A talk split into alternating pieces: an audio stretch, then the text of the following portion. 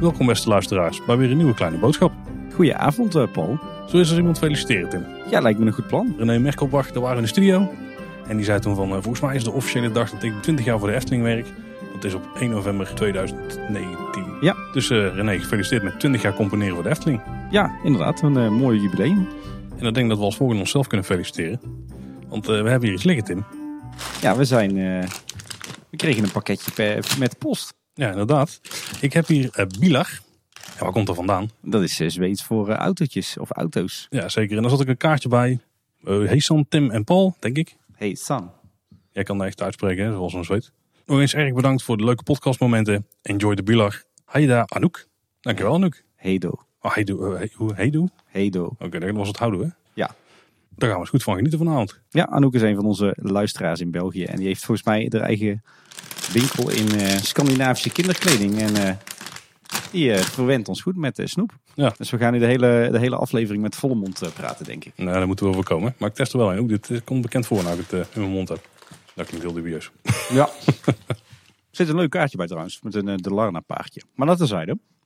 En we zijn volgens mij ook op intranet eh, verschenen van de Efteling, toch? Ja, daar werd het eh, interview met Weekend nog een keer genoemd. Dat je, als je meer wilde weten over de duurzaamheid en, eh, van de Efteling en wat ze er allemaal aan doen, dat je dan onze aflevering moest luisteren. Ik moet zeggen dat ik wel met heel veel plezier terugkijk op dat, dat interview met, met Wieke. Toch tof dat we die kans kregen om, om iemand uit de Efteling-organisatie echt het vuur aan de schenen te leggen. En eh, lekker diep eh, de inhoud eh, in te kunnen. Ja. En ik moet zeggen dat ik best wel onder de indruk ben als ik even terugkijk naar, naar wat we allemaal te horen hebben gekregen. Wat de Efteling toch aan duurzaamheid doet en wil doen. Zeker als je bedenkt dat de Efteling eigenlijk gewoon een, een commercieel bedrijf is. Hè? Ik moet zeggen dat het wel echt een, een goed verhaal was. En dat ook echt wel een aantal prangende vragen van mij beantwoord zijn. Ik, ik, heb al, ik liep al heel lang rond met de vraag van waarom, recycle, waarom zorgt de Efteling nou niet dat het afval in het Oh, park... geen eh, spoilers, geen spoilers. Mensen moeten gewoon die aflevering luisteren. nou, in ieder geval eh, heel veel prangende vragen van mij werden beantwoord. Dus dat was tof. En eh, ja, is een, was, was een leuk interview. Ik hoop dat we vaker die kans krijgen. Overigens nog een, een leuke follow-up op die aflevering. Ik zag van de week weer een, een nieuw duurzaamheidsinitiatief in de Efteling. Wat we in die aflevering nog niet konden benoemen. En er zijn nieuwe servetten. Eindelijk weer met, met Efteling opdruk. Maar die zijn eh, gedrukt op eh, gerecycled, eh, niet gebleekt papier. Dus dat is een stuk duurzamer dan die, die witte servetjes die voorheen in de Efteling lagen. Kijk. En kun je nou geen genoeg krijgen van onze stemmen? Of wil je voor de verandering eens een paar extra nieuwe stemmen horen? Dan kun je ook naar een andere podcast luisteren afgelopen week.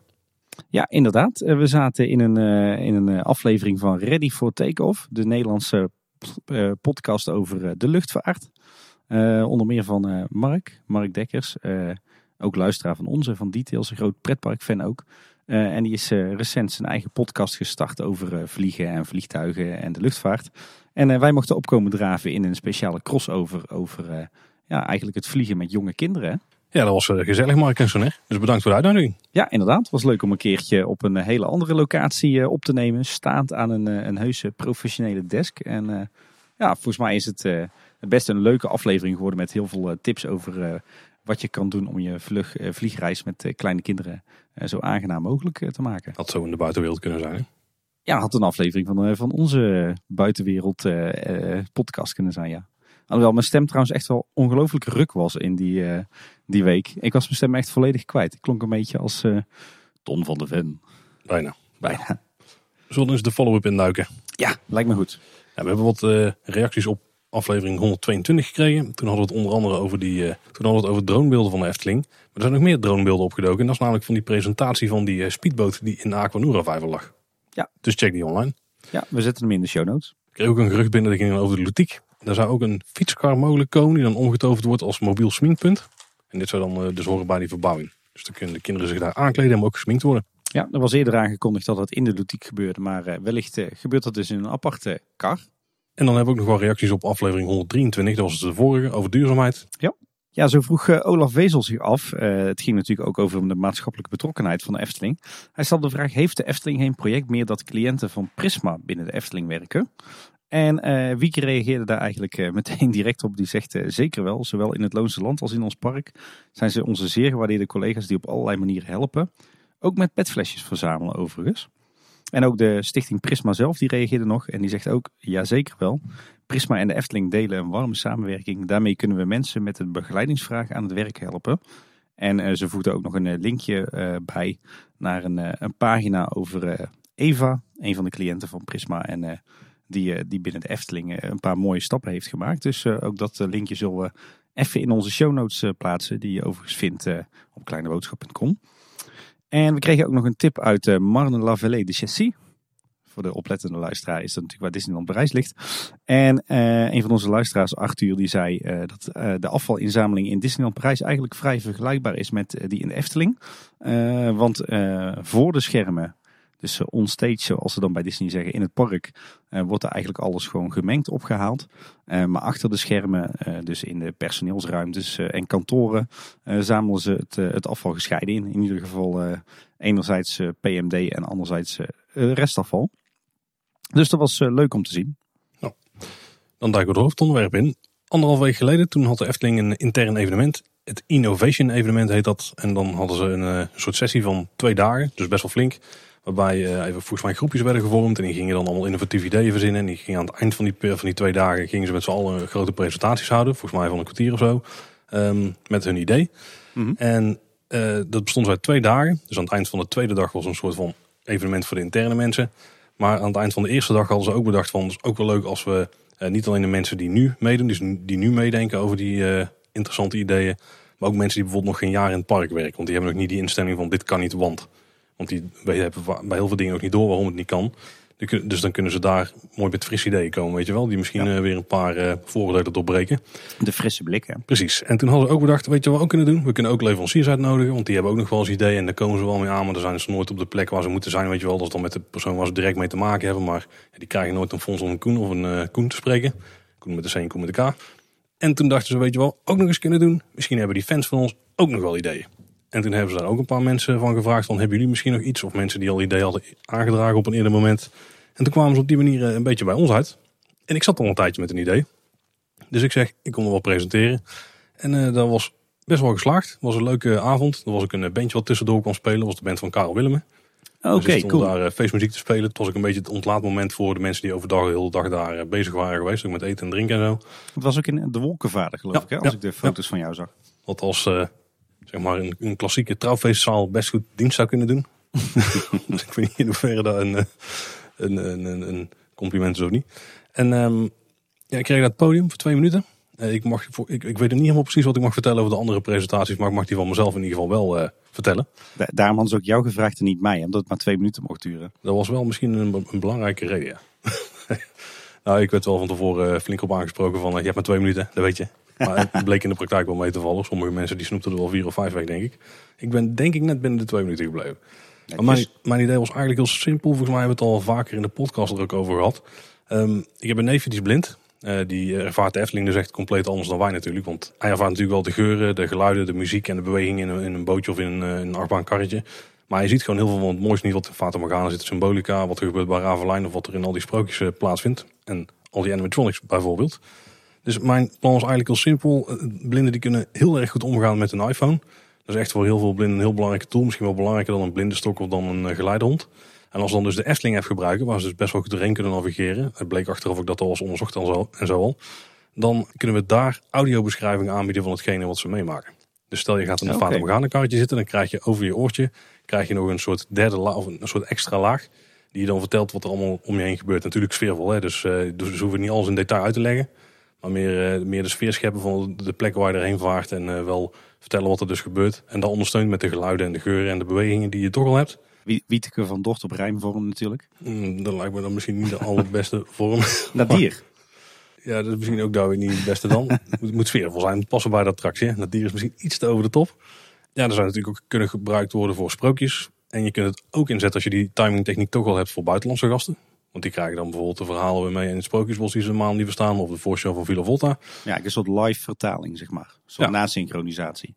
Ja, zeker. Ja. En je kunt het ook nog gebruiken voor mensen die dus doof zijn. Want die kunnen dan een ondertiteling krijgen. Waarbij ze het verhaal mm, ja. meekrijgen van uh, bepaalde Uh, bepaalde plekken waar nu nog geen verhaal is, wat je niet kunt volgen, in ieder geval getimed. En hoe zou dan die locatiebepaling en die, die synchronisatie plaatsvinden? Nee, ik had hem in principe gecategoriseerd in twee typen. Je hebt de shows die gewoon getimed lopen. Dat is makkelijk, want dan moet je, geef je gewoon een seintje aan de app of de app die kan ophalen van wanneer start de show. Nou, en dat time je gewoon de, de spraak op of de mm. ondertiteling.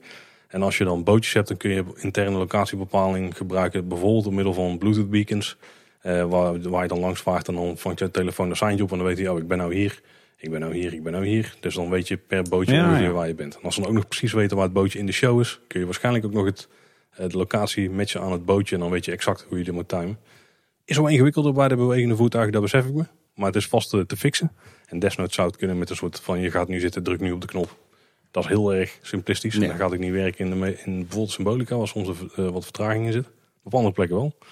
En um, idee was goed ontvangen, dus ik mag binnenkort gaan verder kletsen links en rechts. Al denk ik dat de Efteling het zelf ook prima kan oppakken en ermee verder kan gaan. Dus uh, mocht je dit ooit zien in het park, misschien ligt de oorsprong een beetje bij mij, maar het kan goed zijn dat ze dit soort ideeën intern ook hadden. Geslaagde pitch dus. Uh. Ik uh, denk het wel, ja. Ik, ik, kreeg wel vandaag het verwijt in de Efteling van medewerkers dat het voortaan iedere keer maar kleine boodschap is. Kleine boodschap op innovation, kleine boodschap in het personeelsblad, kleine boodschap in, op intranet. Ze werden er Kleine boodschap in het park. Ze werden er ziek van. ik zeg nou, wij ook. Ik zeg dus dat scheelt. er kwam trouwens ook nog een heel erg cool extra ideetje bij naar de rand toen met iemand stond te praten. En diegene weet zelf wel wie die is. En dat is om er een soort director's commentary bij te geven. Dus dat je door Fata Morgana krijgt en dan uitleg krijgt over hoe het is gemaakt voor de echte hmm. fans. Ik denk niet dat het ooit gaat gebeuren, maar ik zou het heel tof vinden. Een soort live imagineering boek eigenlijk. Ja, bijna wel. Oeh, dat is cool. Dus ja, dat was het Innovation Event. Heel tof. En ik ben ook heel benieuwd wat er vanuit de Efteling uitkomt. Want dat was me niet helemaal duidelijk. Er stond wel bijvoorbeeld weer een, um, weer een VR-setup. Maar dat was echt voor een interne situatie. Volgens mij om mensen meer actief te krijgen in een kleinere ruimte of zo. Een soort uh, sporten in VR. Mm uh, dus niet voor attracties. Ik ben daar niet bang voor. Maar ik weet verder niet wat er allemaal is gebeurd. Want ja, ik ben niet bij de grote presentaties geweest. Nee. Maar leuke avond. Dus bedankt voor de uitnodiging. En uh, mochten we ooit weer een idee hebben komen, graag, graag langs. Ja, bij ideeën zat. Hè. Daar hebben we ook wel verschillende afleveringen over gemaakt. Maar die zijn vaak niet in twee minuten te pitchen. Nou ja, het ging er wel over dat er daar dus de mensen waren die ook de budget hadden. Zoals Fons en Koen en mensen van uh, IT en uh, mensen van horeca, et cetera. Ja, als je daar met een plan aan komt voor een attractie voor 40 miljoen, dat is denk ik niet echt de plek. Nou, ik, ik had in eerste instantie het idee van ik, ik presenteer daar mijn plan voor een vaste evenementenvoorziening op de speelweide. Maar ik denk achteraf gezien dat ze niet naar dat soort ideeën en plannen op zoek waren. Misschien niet per se, nee. Nee, inderdaad. een goede afweging geweest om jou af te vaardigen, Paul. Ja, en jij was vandaag in het park, Tim. Ja, want dan komt eigenlijk mijn grootste nieuws van deze aflevering. Uh, de winterefteling is weer begonnen. Oh, ik dacht die interactieve twinkeltoren die je voortaan in het arsenaal had. ja, inderdaad. Mijn, mijn oudste is drie geworden uh, vorig weekend. En die heeft van, van oma een interactieve twinkeltoorts gekregen, ja. Dus we moeten er nog mee beginnen. Ah, okay. we hebben hem nog niet meegenomen, maar ik kijk er wel naar uit. Ik ben wel benieuwd. Zeker naar de rit in Symbolica. Ik ben ook heel erg benieuwd of hij het nog goed doet. Want een aantal van die effecten die waren een tijdje defect. Dus hopelijk... Mm. Ik, ik had ons mam in ieder geval goed geïnstrueerd om zo'n ding te kopen. Alles voor dochterlief natuurlijk. Hè? Ja, zeker. Maar de winterefteling is inderdaad begonnen. Wat heb je allemaal gezien, Tim? Ja, ja, het is sowieso heerlijk hè, dat de winterefteling weer begonnen is. Het is voor mij echt wel een, een hoogtepuntje in het jaar. Ik heb echt, merkte ik vandaag alweer toch wel een zwak voor de winterefteling. Ik ben er vandaag dus geweest. we nemen dit op op de woensdag voordat deze aflevering uitkomt. Dus het park is pas net twee dagen in wintersfeer. En ook de zaterdag daarvoor ben ik nog even geweest. Ehm, toen, toen was het officieel natuurlijk nog geen winter maar eigenlijk was de, de aankleding er al wel voor 95%. Dus ik heb al best wel veel meegemaakt en gezien. En in de basis ben ik er weer, weer heel blij mee. ik ben weer helemaal verliefd op het, het concept. ben jij al geweest trouwens ondertussen? niet toen het al echt aan de gang was. Wel nog dat er al, wel dat er al veel versiering hing, maar ik heb nog niet de winter echt meegemaakt dit jaar. Oké. Nou, eh, voordat ik ga vertellen ehm, eh, wat, wat ik zo al gezien heb tot nu toe, misschien een paar updates. Ehm, even belangrijk voor onze luisteraars. de uitkopen die gepland stonden op 16 en 23 november en 8 december, die zijn allemaal vervallen. De enige blokdagen dit jaar die er nog zijn voor ons abonnementhouders zijn 17 en 30 november en 1 december. Dus dat valt heel erg mee. En er zijn natuurlijk weer nieuwe winterplattegrondjes. Belangrijk item altijd voor de verzamelaars. Ik heb ze vandaag overigens niet meegenomen, want het regende de hele dag pijpen stelen. Dus wederom het probleem van de papiermaché. Um, en nog wel een interessant nieuwtje is dat, dat er dit jaar definitief geen reuzenrad komt op het Steenbokplein. Dat is inmiddels ook door een woordvoerder bevestigd aan Loopings. vind ik wel jammer, moet ik zeggen. Ja, ik had ook gezien dat die flink duurder was geworden om te huren. Volgens mij echt een eh, procent of 40 erop op de oude prijs van Mhm. vorig jaar. Ik kan me niet voorstellen dat dat per se een reden is. Misschien als een grote Tesla voor die prijs er heel lang kan neerzetten. Dat was een mooi, een mooi centje geweest voor het eind van het jaar. Ja, ik, ik heb wel een vermoeden dat er misschien eh, later in de Efteling nog een eh, zo'n rad verschijnt. En misschien als al een beetje groot dat tegen deze tijd had gestaan. Ja, jij wil zeggen als vaste invullattractie eigenlijk. Ja, het, dit, het zal het niet zijn hoor, maar misschien hadden ze zeg maar vorig jaar bedacht van we willen dit nu huren, volgend jaar niet. Misschien hebben ze het zelfs al ergens anders aan verhuurd, je weet het niet. Want dan hebben we misschien zelf al wel iets staan. Dat was wel Hmm. heel erg ver in de toekomst kijken dan misschien. Ja. Maar Nou, ik, ja, zou kunnen. Ik, eh, ik vind het in ieder geval wel jammer, want ik vond het vorig jaar wel echt een sfeermaker. En, eh, en ook wel echt een hele toffe invul. ja, ze hebben nou natuurlijk wel eh, Max en Music, Musicair. Ja, maar dat is entertainment, hè? dat is geen invullattractie. En info-attractie is ook entertainment. Vooral als hij er vooral staat voor de sfeer. Want erin gaan zitten, daar komt niet voor heel veel mensen. Want ja, zoveel capaciteit had dat ding niet. Nou ja, een paar dingen die me tot nu toe zijn opgevallen. Eh, De Winter Efteling is natuurlijk pas net eh, bezig, dus eh, dit lijstje zal vast wel worden uitge- uitgebreid. Het eerste wat mij eigenlijk opviel is dat volgens mij de, de opbouw van, van de Winter Efteling echt een stuk eerder klaar was dan, dan ooit tevoren. Ja, volgens mij echt wel een dag of vier, vijf van tevoren. Ja. Misschien nog wel eerder, ja. Het is heel snel gegaan dit jaar. Nou kregen wij wel te horen vanuit de wandelgangen dat er een nieuwe projectleider op zou zitten. Dus misschien dat die eh, heel goed zijn best heeft gedaan. Het was eh, voor mijn gevoel in ieder geval eh, nog nooit zo vroeg voor aanvang al helemaal klaar. Mhm. Ehm, iets anders wat mij is opgevallen, is dat er dit jaar ook extra geïnvesteerd lijkt te zijn in, ja, hoe zou je het kunnen noemen? In algemene sfeermakers in het park, zeg maar. Mhm. We hadden natuurlijk al wel vaker dat mensen zeggen van joh, op de paden en pleinen heb je niet meer echt dat, dat winterse of feestdagen gevoel. Het lijkt erop dat ze daar nu eh, wat aan hebben willen doen. Ze hebben eigenlijk, eh, als ik eh, voor, voor mijn gevoel, eigenlijk twee dingen gedaan. Op een heel aantal plekken in het park zijn ineens groepjes van drie kerstbomen verschenen. Besneeuwd en compleet met lichtjes. Ja, als foto opportunity of als sfeermaker. Ik weet het niet. Het is op zich, eh, ja, brengt het je wel een beetje extra in die wintersfeer natuurlijk. Ehm, maar ze zijn voor mijn gevoel ook wel heel erg willekeurig neergeplemd. Van die gekke plekken, weet je wel. Ergens eh, bij een bankje aan de, de dubbele laan of eh, links van de ingang van het Lavelaar. Het zijn allemaal van die... Oh. Ineens uit het niets doemt er dan zo'n eh, zo'n groepje van drie van die kerstbomen op. Dat klinkt random inderdaad, oké. Het is een beetje ja, zo van, we willen iets doen aan de sfeer. Of aan het gebrek aan winterse sfeer. Maar ja, tot nu toe komt het nog niet echt, echt over. Dan, dan zie ik liever die enorme kerstbomen terugkeren op bijvoorbeeld de Sint-Nicolaasplaats en het, het Vogelrokplein. Uh, en iets anders wat me opviel is dat er uh, ontzettend veel nieuwe guirlandes zijn in het park. Dan moet je misschien even uitleggen wat er zijn. Uh, ja, hoe ga ik dat nou uitleggen? Ja, eigenlijk een soort... die, die strengen van uh, kersttakken, zeg maar, toch? Ja, eigenlijk een soort, uh, ja, zeg maar van het conifere groen. Daar een soort van kransen van maken. Ja, niet echt kransen, maar een soort slingers eigenlijk. Ja. Van groen met daarin lampjes. Daar hing de Efteling natuurlijk al uh, sinds jaren en dag mee vol in de winter. Maar ik heb het gevoel dat ze deze winter Efteling een uh, enorme slag hebben geslagen. Dat ze volgens mij een hele goede deal hebben gehad ergens in de inkoop. Uh, en dat ze enorm veel meters extra guirlanden hebben aangekocht. Um, want er is op heel veel plekken zijn er guirlandes verschenen die, die er voorheen nog niet hingen. Uh, en uh, ik heb ook het gevoel dat er wat oude guirlandes zijn vervangen door deze nieuwe. Um, op zichzelf heel goed, want je, het brengt je wel meteen extra in die wintersfeer. Aan de andere kant heb ik wel het idee dat de kwaliteit een klein beetje uh, te wensen overlaat. De, de naalden tussen aanhalingstekens die zijn wel heel erg van, uh, van Lidl kwaliteit. Dat is een beetje jammer. Uh, de lampjes zelf zijn wel mooi. Die zijn natuurlijk LED. Kom je natuurlijk anders niet meer weg in deze tijd. en ook uitgevoerd in twee kleuren. Een beetje helder wit en wat, wat geler wit, zeg maar. -hmm. Heel mooi op zich. maar wat ik mis, uh, is uh, voorheen, uh, waar, en dat was wel mooi in, in de winter Efteling, waren die guirlandes vaak extra gedecoreerd met linten, met strikken, met candy canes, met, met slingers, met vaak ook hele leuke details die dan aansloten bij de omgeving waar ze in, in hingen. bijvoorbeeld in het Witte Paard zaten er dan van die kleine miniatuurtjes van witte paarden in. Um, je hebt ze bijvoorbeeld uh, bij de kleine klaroen met uh, miniatuurtjes van uh, die ridders te paard van de magische klok, weet je wel. daar blonk de Efteling echt wel in uit. Dat was echt wel dat, dat 9 plus niveau. maar alle guirlandes die ze dit jaar nieuw hebben opgehangen, die hebben eigenlijk geen extra decoratie. Dat is gewoon puur groen met lichtjes. Hm.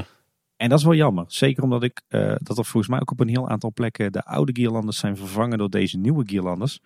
En ja, daarmee is die decoratie dus weg. En dat is wel jammer, want nu hangen er gewoon standaard Lidl guirlandes. En voorheen waren het echt eh, ja, zwaar gethematiseerde, winterversieringen. Dus dat is wat mij betreft wel een, eh, een stapje terug in, eh, in niveau.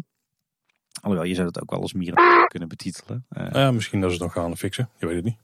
Ik hoop eerlijk gezegd dat ze in ieder geval op de plekken waar er vroeger extra decoratie in zat, dat ze dat wel gaan terugbrengen. Want eh, als je het dan toch weer over dat 9 plus niveau hebt, dan, eh, dan eh, is die extra gethematiseerde decoratie in zo'n guirlande is wel, is wel dat 9 plus niveau. Wat je nu dus soms mist. Ja.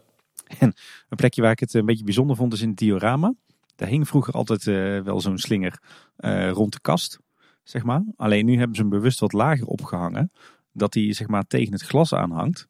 Maar vervolgens heb je eh, die, die lampjes die in die guirlandes zitten, die, eh, die verlichten de scènes eh, een stuk feller dan, dan de normale belichting. En zeker in de nachtscène is dat nogal een probleem. Want doordat die, daar die guirlandes tegen het glas aan hangen, is die nachtscène geen nacht meer. Ai, dat is niet goed. Nee. Het diorama is trouwens zelf nu ook dus een horecapunt geworden. Ja. Want hebben die bar is in gebruik en er staan ook stoeltjes nu bij met tafeltjes. Ja, dat moet ik wel zeggen. Het is echt heel gaaf geworden. Ze hebben inderdaad op de grote vlakken hebben ze een soort van tafeltjes en stoeltjes eh, neergezet als ware het een soort van binnenterras. En ze hebben die, eh, die, die zithoeken, die, eh, die een beetje die treinzitjes zeg maar, Mhm. die hebben ze bekleed met rood verloers. Er speelt ook een, een winters muziekje. Dus het is echt wel, wel heel gaaf geworden. Oké, Echt een, een restaurantje erbij. handig met knoeien, die bekleding. ja, niet echt. Is er nog andere decoratie verschenen? Ik zag dat de apenfontein in de Oostnaar was aangekleed. Met mutsen en sjaals voor de apen. En dat sommigen ook sneeuwballen vast hebben en daar een beetje aan het eh, kloten zijn. Ja, inderdaad. Eh, dat hebben ze wel heel slim gedaan. Die apen die hangen natuurlijk al eh, nogal uitdagend over die fontein heen. En ze hebben het nu op een hele leuke manier hebben ze er, eh, het zo eh, gedecoreerd als, als het ware dat ze een eh, soort van sneeuwballengevecht houden. Wat tof gedaan. ja. Echt een heel leuk detail, ja. Ja, verder zag ik volgens mij dat er in de grot van Sneeuwwitje nu een soort van eh, ja, ijs, ijstakjes of zo aan, eh, aan het, eh, het rotswerk eh, vast zijn gemaakt. Is volgens mij ook een nieuwe decoratie. Misschien sinds die grote opknapbeurt. Zag er heel, heel gaaf, bijna een beetje spooky uit. En Langnek heeft gelukkig zijn, zijn oude sjaal en oorwarmers weer terug. Want, vorig jaar was die vervangen door een of andere sjaal van een of andere breiactie. En die hebben ze nog even dit jaar om de sprookjesboom heen gehangen. Maar dat zag er een beetje lullig uit. En ik geloof dat die inmiddels ook weer verdwenen is. Ja, die is inderdaad weg, ja. ja. En dan nog wat winterse piekse muisjes verschenen. Ik heb ze nog niet gezien. Eh, nee, bij dit sprookje van de, de, Ja. de zeven geitjes. Alleen ik vraag me af dat het nieuw is hoor. Want ik eh, kan me herinneren dat die eh, er het vorige jaar ook al waren. Het zou prima kunnen. Wat wel nieuw is, is nieuwe jasjes en winterkleding voor Hans en Grietje. En voor moeder Geit. En verder waren er ook nog wat, eh, wat luisteraars die eh, ons tipten dat eh, in het in Lavi's Leerhuis. dat de Lummels daar zeg maar speciale winterse perkamentrollen hadden liggen. Met, met winterse teksten erop en winterse tekeningen. Een heel gaaf detail. Was mij eerlijk gezegd ook nog niet eerder opgevallen. Nee, maar na navraag blijkt dat dat al, al wat langer er ligt. Sterker nog, het lag er waarschijnlijk zoals al vorig seizoen. En het is nooit weggehaald. Dus het heeft er een hele zomer gelegen. maar ook nooit opgevallen. klein detail met de afbouw. Dat ze het wel weer eh, vervangen door eh, de gebruikelijke zomerse perkamentrollen, zeg maar. En ik had het eerder al over het eh, podium bij Tom van de Wemplein. Dat daar nog een decoratietje op zat van het Negenpleinenstein. Of zelfs alle decoratie. Maar die is inmiddels vervangen. Hè? Dus nu is het ook echt een winterse sfeer die er een beetje rondom het podium hangt. Ja, Dus nieuwe stickers erop. En er een hoop kerstbomen en, en nepsneeuw omheen gezet. ja, ziet er netjes uit. Ja, verder ben ik vandaag ook eh, een tijdje in het, eh, het IJspaleis geweest natuurlijk. Eh, een favoriete plek voor de kleintjes. Een paar wijzigingen. Ze hebben een aparte kinderhoek gemaakt op het ijs. Die hebben ze eigenlijk afgezet met, met gewoon zitbanken die ze in het, het ijs hebben vastgevroren. Ja, die kunnen ook niet weg. Slim. Ja. Er is een vernieuwde toiletwagen met een extra luxe uitstraling. Bam. Daar Deze zijn er netjes uit. En ook eh, zijn er wat eh, wijzigingen doorgevoerd weer in het horecagedeelte. De indeling is weer wat aangepast en de aankleding. Maar vooral in het, eh, het aanbod. Je kunt er nu onder andere gepofte aardappels krijgen. Oké. verwenmomentjes. Mhm. Ja, dat zijn van die kleine bakjes hè, met wat snoep erin. En, eh Ja. Dat is een beetje afgekeken van de, de vrolijke noot. Of eigenlijk van Laplace in de algemene zin. Mhm. Er zit volgens mij je hebt een bakje met wat, wat van die mini stroopwafeltjes. en wat fudge en wat van die Efteling bonbons. Oh, klinkt wel goed. Dus eh, dat zijn drie, eh, drie favorietjes van mij. Dus daar kun je me s'nachts voor wakker maken. En je hebt ook een, eh, een soort bar of buffet met stel zelf je eigen broodje Unox samen. Dus Klinkt dan ook kan je een, een worst kiezen en daarna met allerlei toppings en sauzen versieren. En verder is nu nieuw dat de vuurprins en de sneeuwprinses, zo zeg ik het volgens mij goed, Kendrick en Joka nu ook Fairy Tales All Around You zingen tijdens hun act, tijdens het winterfeest. Eh, het bekende Winter Efteling eh, anthem, zou je bijna zeggen. Ik heb het vanmiddag in ieder geval al volop, eh, uit volle borst staan meezingen. Zelf heel goed. En eh, ja, je moet een goede voorbeeld geven. en, eh, en een mooie prijswijziging. Eh, namelijk, je kunt nu voortaan eh, schaatsen huren voor 2 euro per uur. Hm. En voorheen ging die prijs gewoon voor eh, gewoon eenmalige huur. Maar die was een stuk hoger. Ik geloof 6 of 7 euro. En Oh. nu gaat het dus per uur. Nou, in ieder geval mensen zijn niet meer dan een uur gaan schaatsen toch in de winterwrestling. Nee, lijkt mij Ja. niet. Dus eh, wat dat betreft eh, een, eh, een hele mooie prijsverlaging. En hopelijk gaan ook meer mensen er gebruik van maken. Ben jij een schaatser, Paul? Ik heb ook geen idee hoe duur ze vroeger waren. Dus goed, je daar even meldt in. Ja. Voor de context hè. ik ben ook geen schaatser hoor. En er is nog meer nieuws over het horeca aanbod, maar dan in de rest van het park. Ook natuurlijk in het IJspaleis. We hadden vroeger natuurlijk de chocomelbeker, die gele stenen mok, weet je wel.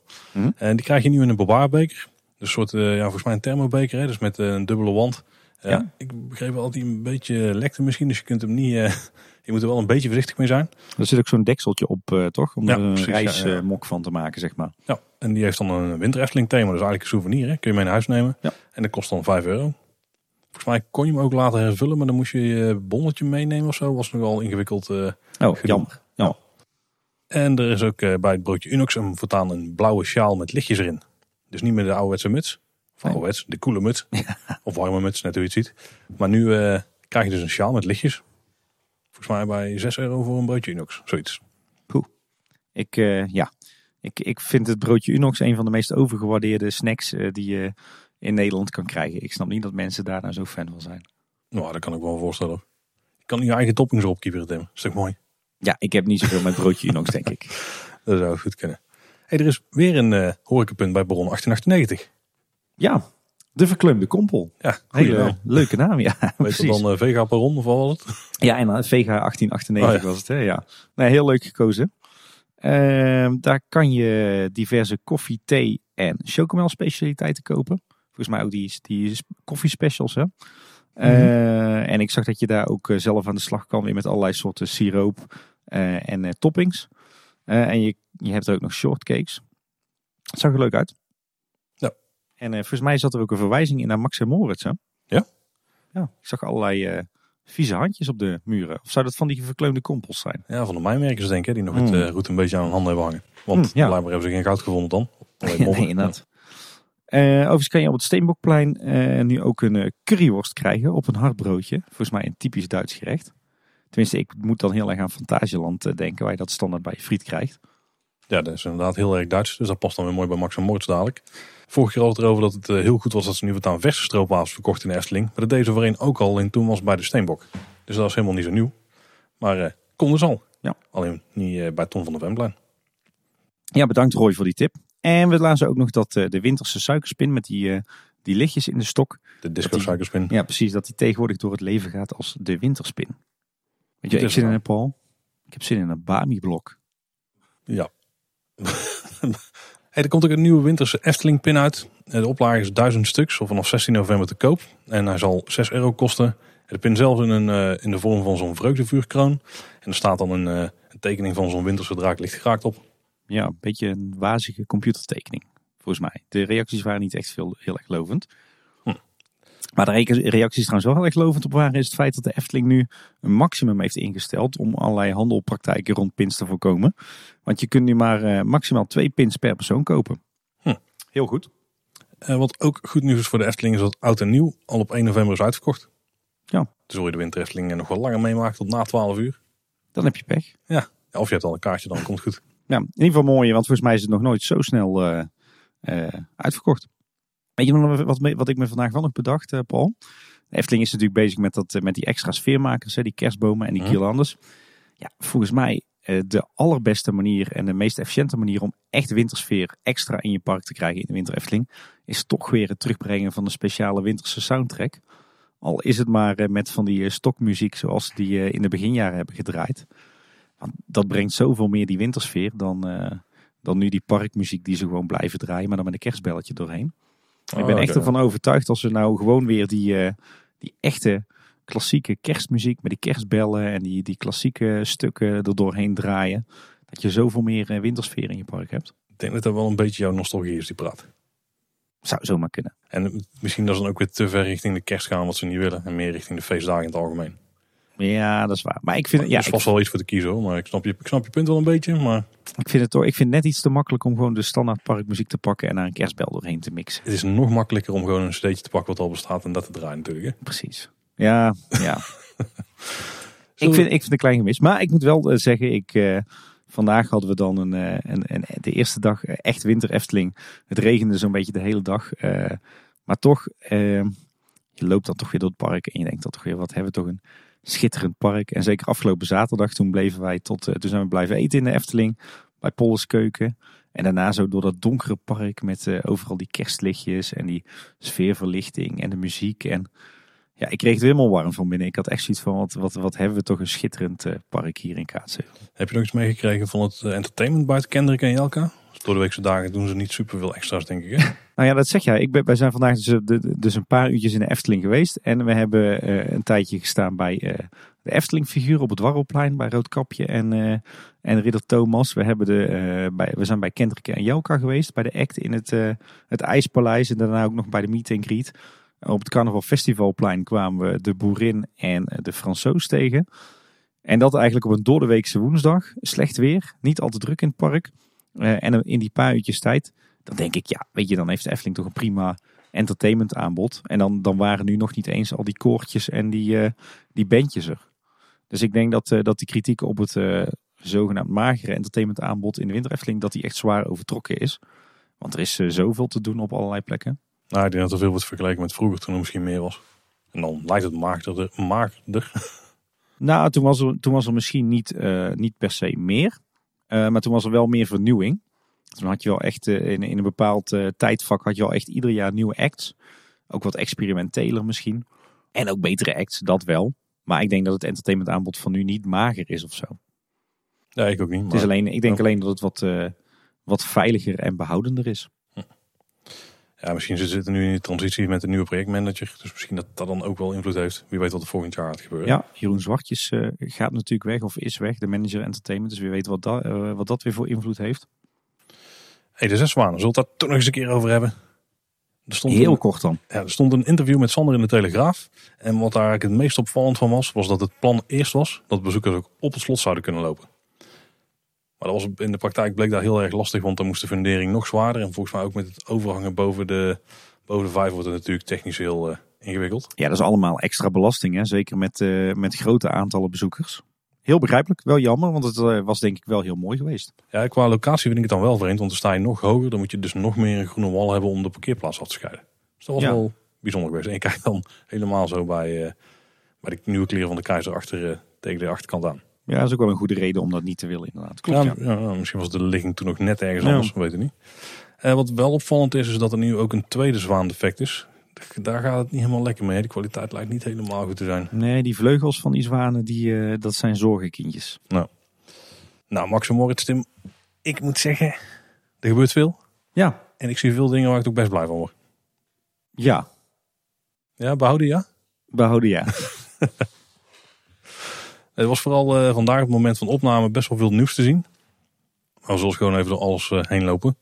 Het eh rechter geveltje, dus dat is niet het meest rechtse stuk, maar het rechtse geveltje van het originele stuk, zeg maar.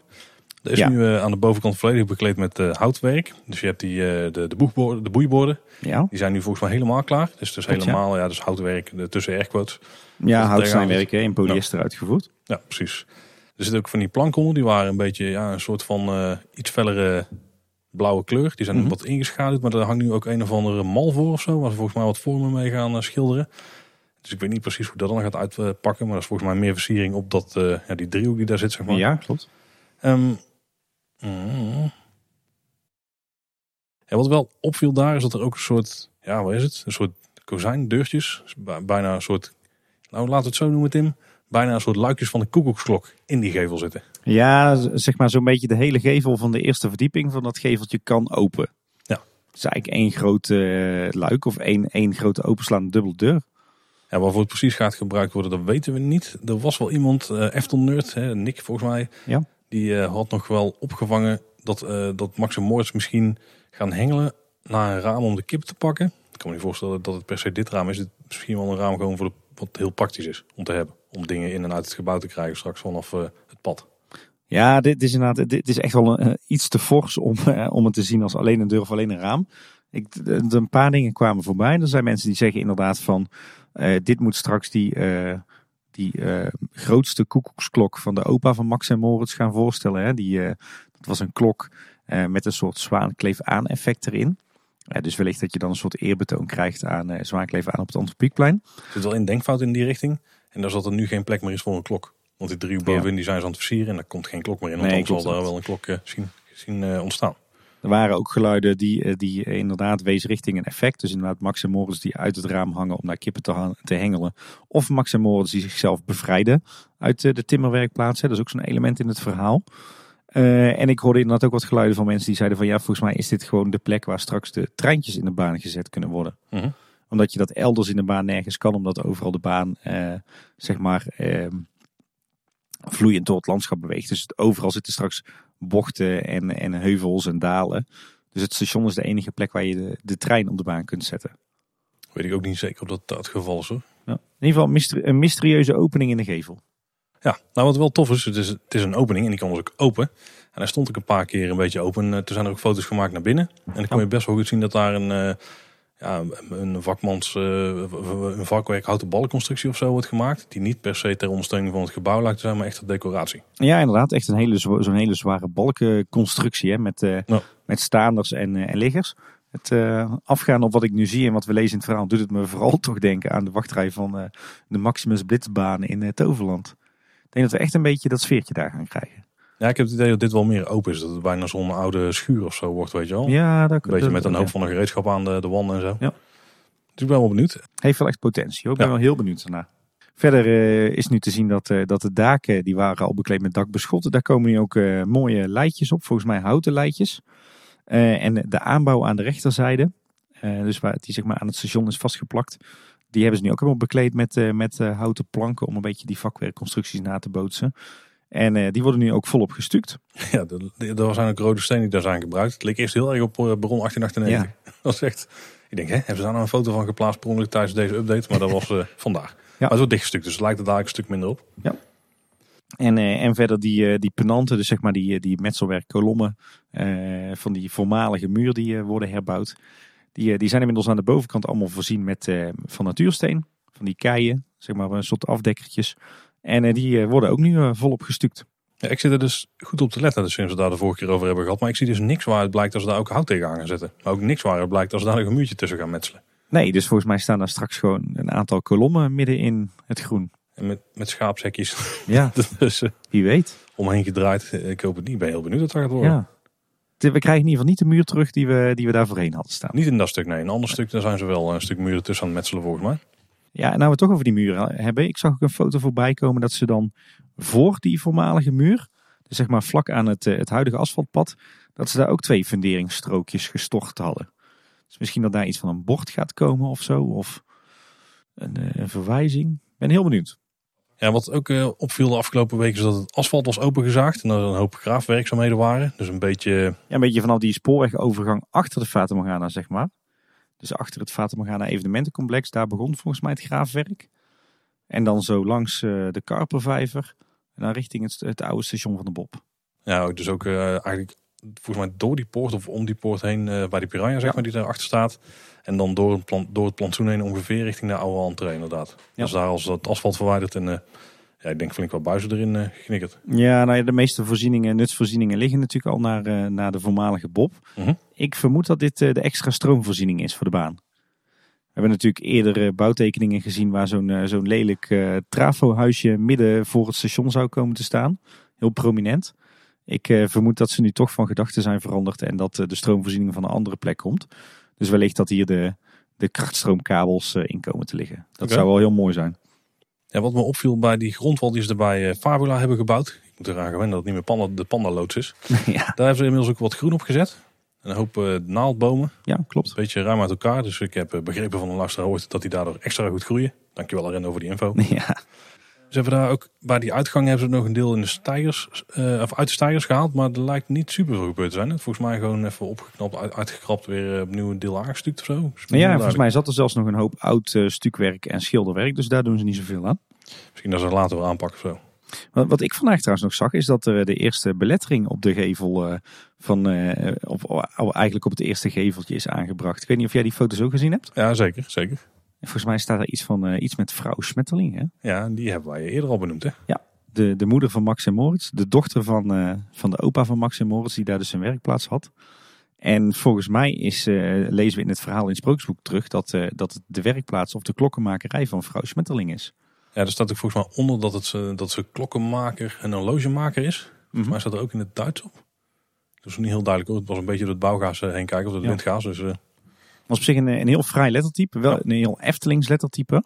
Maar wel ook een heel generiek lettertype. Wat bij wijze van spreken ook prima bij Symbolica zou passen. Ik, ik, had hier, eh, ik had hier misschien eerder nog echt van die, van die typische Duitse letters uit 1900 in Berlijn eh, verwacht, weet je wel. Van die echte Duitse boegstaben. ja, maar die moet iets sierlijker zijn misschien. Ja, dit, dit houdt er wel inderdaad in het midden tussen echt Duits en, en Eftelings. eh, ja. Ja, enigszins gerelateerd aan Max Moritz, of eigenlijk vooral de voorganger van Max Moritz, natuurlijk de Bob. Er is eh, in eh, het Efteling Museum is een plankje ontstaan waar een beetje eh, ja, herinnering aan oude attracties staan. Hè? Dus we zien daar Ja. wat dingen van Pegasus, de Bob en inmiddels ook Pandadroom. Ja. Dus nou, toch een leuk, leuk stukje historie daar. ja, inderdaad. Heel mager wel, maar ja, op zich goed dat ze, het, dat ze het wel aanhalen in het museum. Hopelijk gaan we daar toch nog wat, eh, wat meer materiaal eh, terug eh, zien de komende tijd. Er waren heel veel mensen blij dat daar geen mini-waterorgeltje tussen stond. Ja, daar moeten ze het ook nog maar eens over gaan hebben. Een keer. Hè? nu we het ook over Fabula hebben, daar gebeurt natuurlijk enorm veel. Al kunnen we er niet super veel van zien. Maar er is wel één heel groot ding gebeurd. Het daar even over hebben. Ja. Hij is nu dus definitief gesloten. Met het vorige opnamemoment nog niet. Wel met toen de aflevering uitkwam. Ja. Kun je me nog volgen? Ja, ja, ja. ja, daar hadden we toen ook al voor gewaarschuwd. Hè? Dat is het nadeel als je op woensdag opneemt en op maandag publiceert. Ja, nou ja, we hebben die tijd dit keer ook weer heel hard nodig. Eh, de laatste dag dat was dus eh, het moment dat iedereen kaart ging meezingen met Treintje Oosterhuis. Die was er zelf natuurlijk niet bij. Personeel was wel heel tof. Die hadden allemaal eh, papieren uitgedeeld met alle songteksten. Ja. En er zijn volgens mij best wel veel video's verschenen online waar je goed kunt checken hoe iedereen uit volle borst meezong. Of het vooral stond te filmen. Net degene aan welke kant van de camera we Ja. stonden, denk ik, dat maakte wel een verschil. Ja, de, de fans hadden er een beetje zelf een eigen feestje van gemaakt. Hè? De, de hele dag. Want ik geloof dat er best wel veel fans waren die de hele dag in iedere show eh, zaten. Er werden, werd cake en koffie uitgedeeld. eh, dus het was echt wel een happening. Deze keer niet door de Efteling zelf georganiseerd. Maar eh, ja, de fans hadden het een beetje geadopteerd. Hè? Ja. En het werd wel, volgens mij wel bewust gedoogd door de Efteling. Nou, daar werd zelfs het personeel aan meegewerkt. Een hoop free publicity. Ja, voor een attractie die niet meer bestaat. nu. In het Efteling Hotel daar hing altijd al een klok voor Pannendroom. Die stond al op 5 voor 12. Hè, Dat is weer het wijzende vingertje, Tim. ja, Het is bijna te laat. Eh, maar die gaat verdwijnen, volgens de webcare. Dus nou, Mooi. goede zaak, denk ik. Ja. Want die heeft er ook niks meer te zoeken. Eh, de ingang die is eh, uit stijgers. Dus we hebben nu echt een beer teruggekregen. Ja. Het is wel duidelijk dat het nu geen leeuw of aap of een twijfelachtige baviaan meer is. het zijn overigens altijd ook gewoon een leeuw en een beer geweest hoor. Was het een beer? Ja, ja, het is altijd een beer geweest. Want die zat niet in de originele film. Nee. Dat is hartstikke logisch. Ja, een leeuw toch ook niet? Dat is wel goed, ja. Maar die staat in ieder geval in de dierenwereld. Ja, ik, eh, voor, voor mijn gevoel, ja, ik snap niet, er is, niemand gelooft mij, maar volgens mij is dat altijd al gewoon een beer en een leeuw geweest. Ik heb er meer een baviaan of zo in gezien. Hm. Maar die is in ieder geval klaar. Eh, zoals al verteld, er zit een mooie attractie. Ja, een soort rots in, hè, waar de Fabula logo op staat. Een beetje vergelijkbaar met die steen die zo naar beneden valt tijdens de trailer. Ja, precies. En ze hebben er ook flink gegraven. Eh, het attractiebord hebben ze alvast leeggemaakt. Daar lijkt gewoon zo'n zo'n opgekitte plaat voor te Ja, zitten, hè, waar dan al informatie op staat. Dus dat zal alvast een nieuw inkomen. En die is ook iets, eh, iets verplaatst. Die staat nou links van de ingang. Verder eh, was er vrij groot nieuws, namelijk dat de officiële opening van Fabula een dag is vervroegd. Naar vrijdag eh, 6 december om 1 uur. En daaraan voorafgaand vanaf 11 uur is de persopening. En wij zijn erbij, Paul. Uiteraard. Tenminste, ik moet nog wel wat dingetjes zien te fixen met werk en Sinterklaas en zo. Maar ik ga wel mijn best doen om daar eh, in ieder geval bij te zijn. Er wordt vast weer een uitgebreid verslag. Ja. Ehm, op de persuitnodiging staat ook het speelgedeelte ziet er helemaal anders uit. Daar ben ik heel benieuwd naar. Ik geloof er ook niet heel veel van eigenlijk. Nee, ik ook niet. Ja, misschien als je min van RTL 4 bent, dat je denkt van, eh, oh, dit is helemaal, inderdaad helemaal anders dan vroeger. ja, maar als we, als we even vooruitblikken op de trailer die recent is uitgekomen, daarin zie je dat de film van Fabula toch zo is gemaakt dat eh, de hele dierenwereld, eh, dus het hele speelparadijs, toch vooral eigenlijk heel erg hetzelfde kan blijven. Dus ik vermoed niet dat we hier grote wijzigingen gaan zien. Nee, ik ben daar misschien op dit moment nog wel het meest benieuwd naar inderdaad. Ja. Maar er zijn manieren om Fireblauw wel eerder al nog te, te ervaren. hè? Nog eerder dan de persopening. Ja, heel snel eigenlijk zelfs al. Hè? Want op eh, 23 november zijn er try-outs. En eh, leden van de Raad der Wijzen en de Wijsneuzen, zeg maar de twee onderzoekspanels van de Efteling, eh, die kunnen eh, deelname daaraan winnen. Ik geloof dat eh, 200 mensen dat kunnen winnen. Ja, en ook voor de abonnementhouders is er weer een sneak preview. En die is dit keer op maandag 2 december. Eh, tijdsvakken lopen van 2 uur tot half 8. Het tijdvakken duren dus een half uur, dus best wel ruim de tijd. Er zijn, meer, er zijn dus niet het aantal shows wat ze uiteindelijk gaan draaien. ook, hè? Nee. Want er kunnen natuurlijk veel meer in een uur. Ja. Ja, die zaal kan best vol, dus volgens mij eh, zijn de groepen die naar binnen kunnen best groot. En daarvoor inschrijven dat kan op eh, 18 november vanaf 3 uur. Ja. Wel opvallend trouwens, op 2 december. Het park is dan tot half 8 in ieder geval hiervoor open. Dat is later dan dat het verder echt open is, denk ik. Hè? Ja, normaal gezien volgens mij tot 6 uur. eh, Ik denk dat er bij de Zes Zwanen wel kritiek was dat mensen niet meer eh, op, zeg maar, als je ook nog gaat werken en nog op fatsoenlijke tijd er naartoe kunnen. Ik denk dat ze daar hiermee een beetje proberen te fixen. Ja, je kan de Pardoespromenade ook vrij eenvoudig afsluiten van de rest van het park. Hè? Ja. Ga, jij daar, ga jij daar ook naartoe? Dat is wel de planning, ja. ja. Oké, ik een keertje voor de verandering, een keertje niet. Wat eh, was toch lastig eh, om te regelen met werk eh, en met oppassen en zo. En ja, ik merk dat ik er ook nog ook niet, niet zo extreem excited voor ben als, als bij de Zes Zwanen en straks ook Max en Moritz. Dus dat speelde ook wel een rol. Ik ga het echt eh, voor het eerst zien eh, op de persopening eh, 6 december. Ja, heeft de, officiële trailer die, ze, die de Efteling heeft uitgebracht, heeft die jou niet warm gemaakt, Tim? Nee. Nee, maar eigenlijk ook niet. Nee, ik vond het, de trailer vond ik best. Ja, ik werd er niet echt warm van. Ik denk dat het ook kwam omdat het gewoon een paar random uitgepakte stukken waren uit de, de film, zeg maar. En de Ja. muziek die eh, was volgens mij gewoon prima van de film. Alleen die matchte echt niet per se met de, met de trailer. Ja, dat, was ook, het het kwam ook heel vlakjes over voor mijn Ja, gevoel. ja, precies. Ja. Maar dat wil ik zeggen natuurlijk over de uiteindelijke film. Misschien is die hartstikke tof. Ja. Maar voorlopig eh, ben ik door de trailer in ieder geval niet, heel, niet zo heel enthousiast geworden. Nee. Ja, en weet je wat ook wel een beetje mee te maken heeft, tenminste bij mij, dat merk ik aan mezelf. Want ik heb wel gedubt, joh, zal ik nou toch de moeite doen om naar die, eh, die abonnementhouderspreview te gaan? Weet je, het is ook een beetje, wij zeggen thuis ook wel eens, eh it is what it is. Ja, het is gewoon een nieuwe film in een bestaand 4D-theater. En ik merk dat ik daar toch, ja, dat ik daar persoonlijk niet heel erg excited over ben of zo. Ik ben wel nog steeds ontzettend blij dat Panadroom eh, eruit gebonjourd is. En ik begrijp ook heel goed dat Efteling zegt van... Het is kapitaalvernietiging om echt iets anders te doen met dat gebouw. Dus laten we er alsjeblieft weer gewoon een nieuwe film inzetten. Eh, heel begrijpelijk vanuit eh bedrijfseconomisch standpunt. Maar ik, ik, ja, ik ben ook echt wel benieuwd naar die film. En ik denk dat het bij ons thuis met de kids ook echt wel een hit gaat worden. Maar ja, mij persoonlijk doet het niet echt veel of zo. Ja, mij tot nu toe ook niet. maar even kort, eh, over de, en krachtig Ja. even kort over de inhoud van de trailer. Hè? Want je haalt hem net al een beetje aan. Ehm, wat daar dus in opviel, wat we eerder al hoorden, is eh Klaas Vaak gaat ook een rol spelen. Die zien we niet in de trailer terug. Nee, Geeft mij nog enige hoop voor een Klaas Vaak animatronic, maar ik, eh, nee. Ik dat was ook een beetje raar hoor. Dieren en Klaas Vaak, maar goed. Ja, ik weet ook niet precies. Eh, Toen ik dat initieel hoorde, dacht ik van, oh, ze gaan wel echt een hele andere kant op. Als je een beetje kijkt naar de omgevingen waar ze terecht gaan komen, dan lijkt er wel op de Savanne na, die volgens mij wel gepland was in de originele film, maar daar uiteindelijk niet in zat. Nee. Eh, komen die wel overeen met de omgeving die we kennen uit Panadroom en die we dus ook kennen uit de dierenwereld. Ja. En er zitten ook een paar eh, herkenbare eh, figuren in hè, uit, de, uit de dierenwereld, of geval uit de oude film zelfs. Het, het lijkt erop alsof de film eigenlijk naar de dierenwereld toe is geschreven. Ja, bijna wel, dat ze daar niet zoveel aan hoeven te doen, zodat ze daar kosten konden besparen. Ja. Nou moet ik ook zeggen, die dierenwereld is ook helemaal zo slecht niet. Als je hem een keer eh, goed schoonmaakt, een keer eh, goed onderhoud geeft aan al die speeltoestellen. Misschien wat meer licht erin brengt en al die, eh, die WNF shit eruit poetst. Ja, die schermen kunnen wel weg. Ja. Dus als ze, als ze dat alleen al doen, dan denk ik al dat je daar nog steeds een, een redelijk speel, indoor speelparadijs hebt. Mhm. Maar ja, het was wel opvallend om te zien in die trailer. Ja. Maar de beer die wordt dan in de eerste scène in de trailer wordt hij dus uit zijn grot weggetrokken. Volgens mij hij niet zo heel veel geeft om andere dieren. Dat is het hele, de hele gimmick een beetje Ja. dit keer. Eh, dus eh, het zand van Klaas Vaak is volgens mij hetgene wat hem wegtovert. En als hij dan op de locatie is, dan wordt hij ook nog door het zand omgetoverd in een ander dier. Dan valt hij in slaap. Ja, die beer wordt een beetje rondgeslingerd door het zand. En dan wordt die eekhoorn wordt erbij betrokken. En die valt dus tijdens het eh, rondslingeren wel in slaap. Dus het is wel het, Ah, het is wel zand van Klaas ja. ja. En dan eh, vallen ze dus in die nieuwe wereld terecht. En dan wordt hij volgens mij dus omgetoverd in een dier van de locatie. Om denk ik te leren hoe het is om dat dier te zijn. Dus de beer Hmm. zelf zien we niet eens super veel terug. Die komt er denk ik tussendoor af en toe in. Maar die is dus heel tijd een ander dier. Oké. Nou, ik ben, ik ben toch wel benieuwd naar de film. Ja, wat er wel opvalt is dat bijvoorbeeld de, We hadden net over de dierenwereld. Dan hangt natuurlijk die schildpad. Die zat ook in de oude film. En die zit Ja, ook gewoon weer in deze trailer. Ja. Dus die eh, komt terug. We hebben ook weer heel de, de apen. Die ook weer eh, Ja. van alles gaan uitvreten. Ja, dat is natuurlijk ook bijna een scène uit de oude film. Ik heb die nog wel even gekeken. Ik heb me opgekofferd. En daar gebeurt eigenlijk niet zo heel veel allemaal in die scènes. Dus er- zaten minder overeenkomsten in dan dat ik dacht dat erin zaten eigenlijk. Is vooral de locaties. Ja, ik ben benieuwd. Ik denk ook dat het tempo wel wat hoog ligt van een nieuwe film. Want er lag bij de oude film echt enorm laag. Eén ding staat vast. Het wordt in ieder geval beter dan Pandadroom. Dat sowieso. Wie de Efteling goed in de gaten houdt op social media, die zag ook dat ze naast de trailer ook nog wat screenshots hadden geplaatst van eh, scènes die dus niet in de trailer zaten. Dus als je alles een beetje bij elkaar veegt, dan krijg je een beetje een breder beeld van wat er straks allemaal gaat gebeuren. Maar Tim, eh, misschien het allerbeste nieuws nog. Je had iemand gespot in Fabula? Ja, ik, eh, ik liep, eh, liep vorige week langs Fabula. En eh, toen eh, liep Henk Schelkes naar buiten.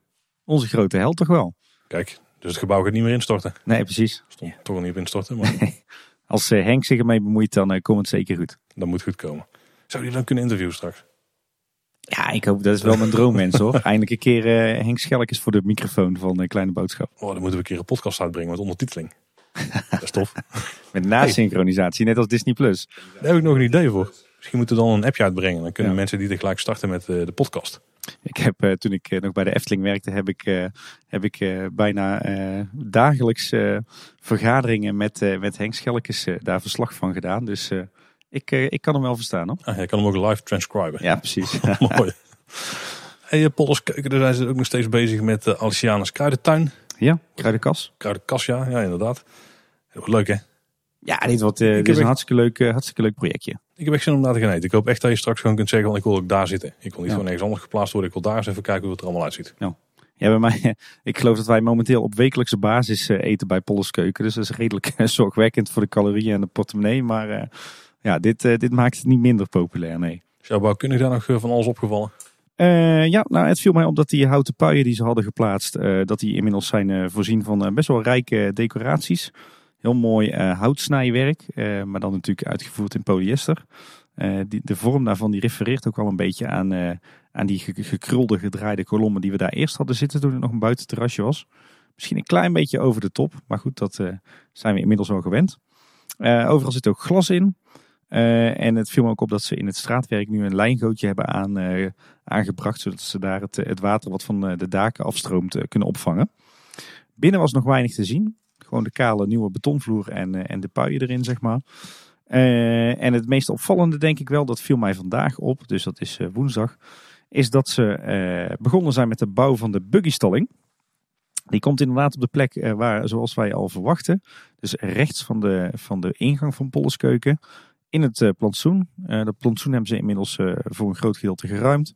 En daar waren ze vandaag van Verhagen bezig met het plaatsen van die, ja, zeg maar die houten portaaltjes eh, waar straks eh, dakjes op gaan schroeven. En vandaag waren ze dus al die houtconstructies aan het maken.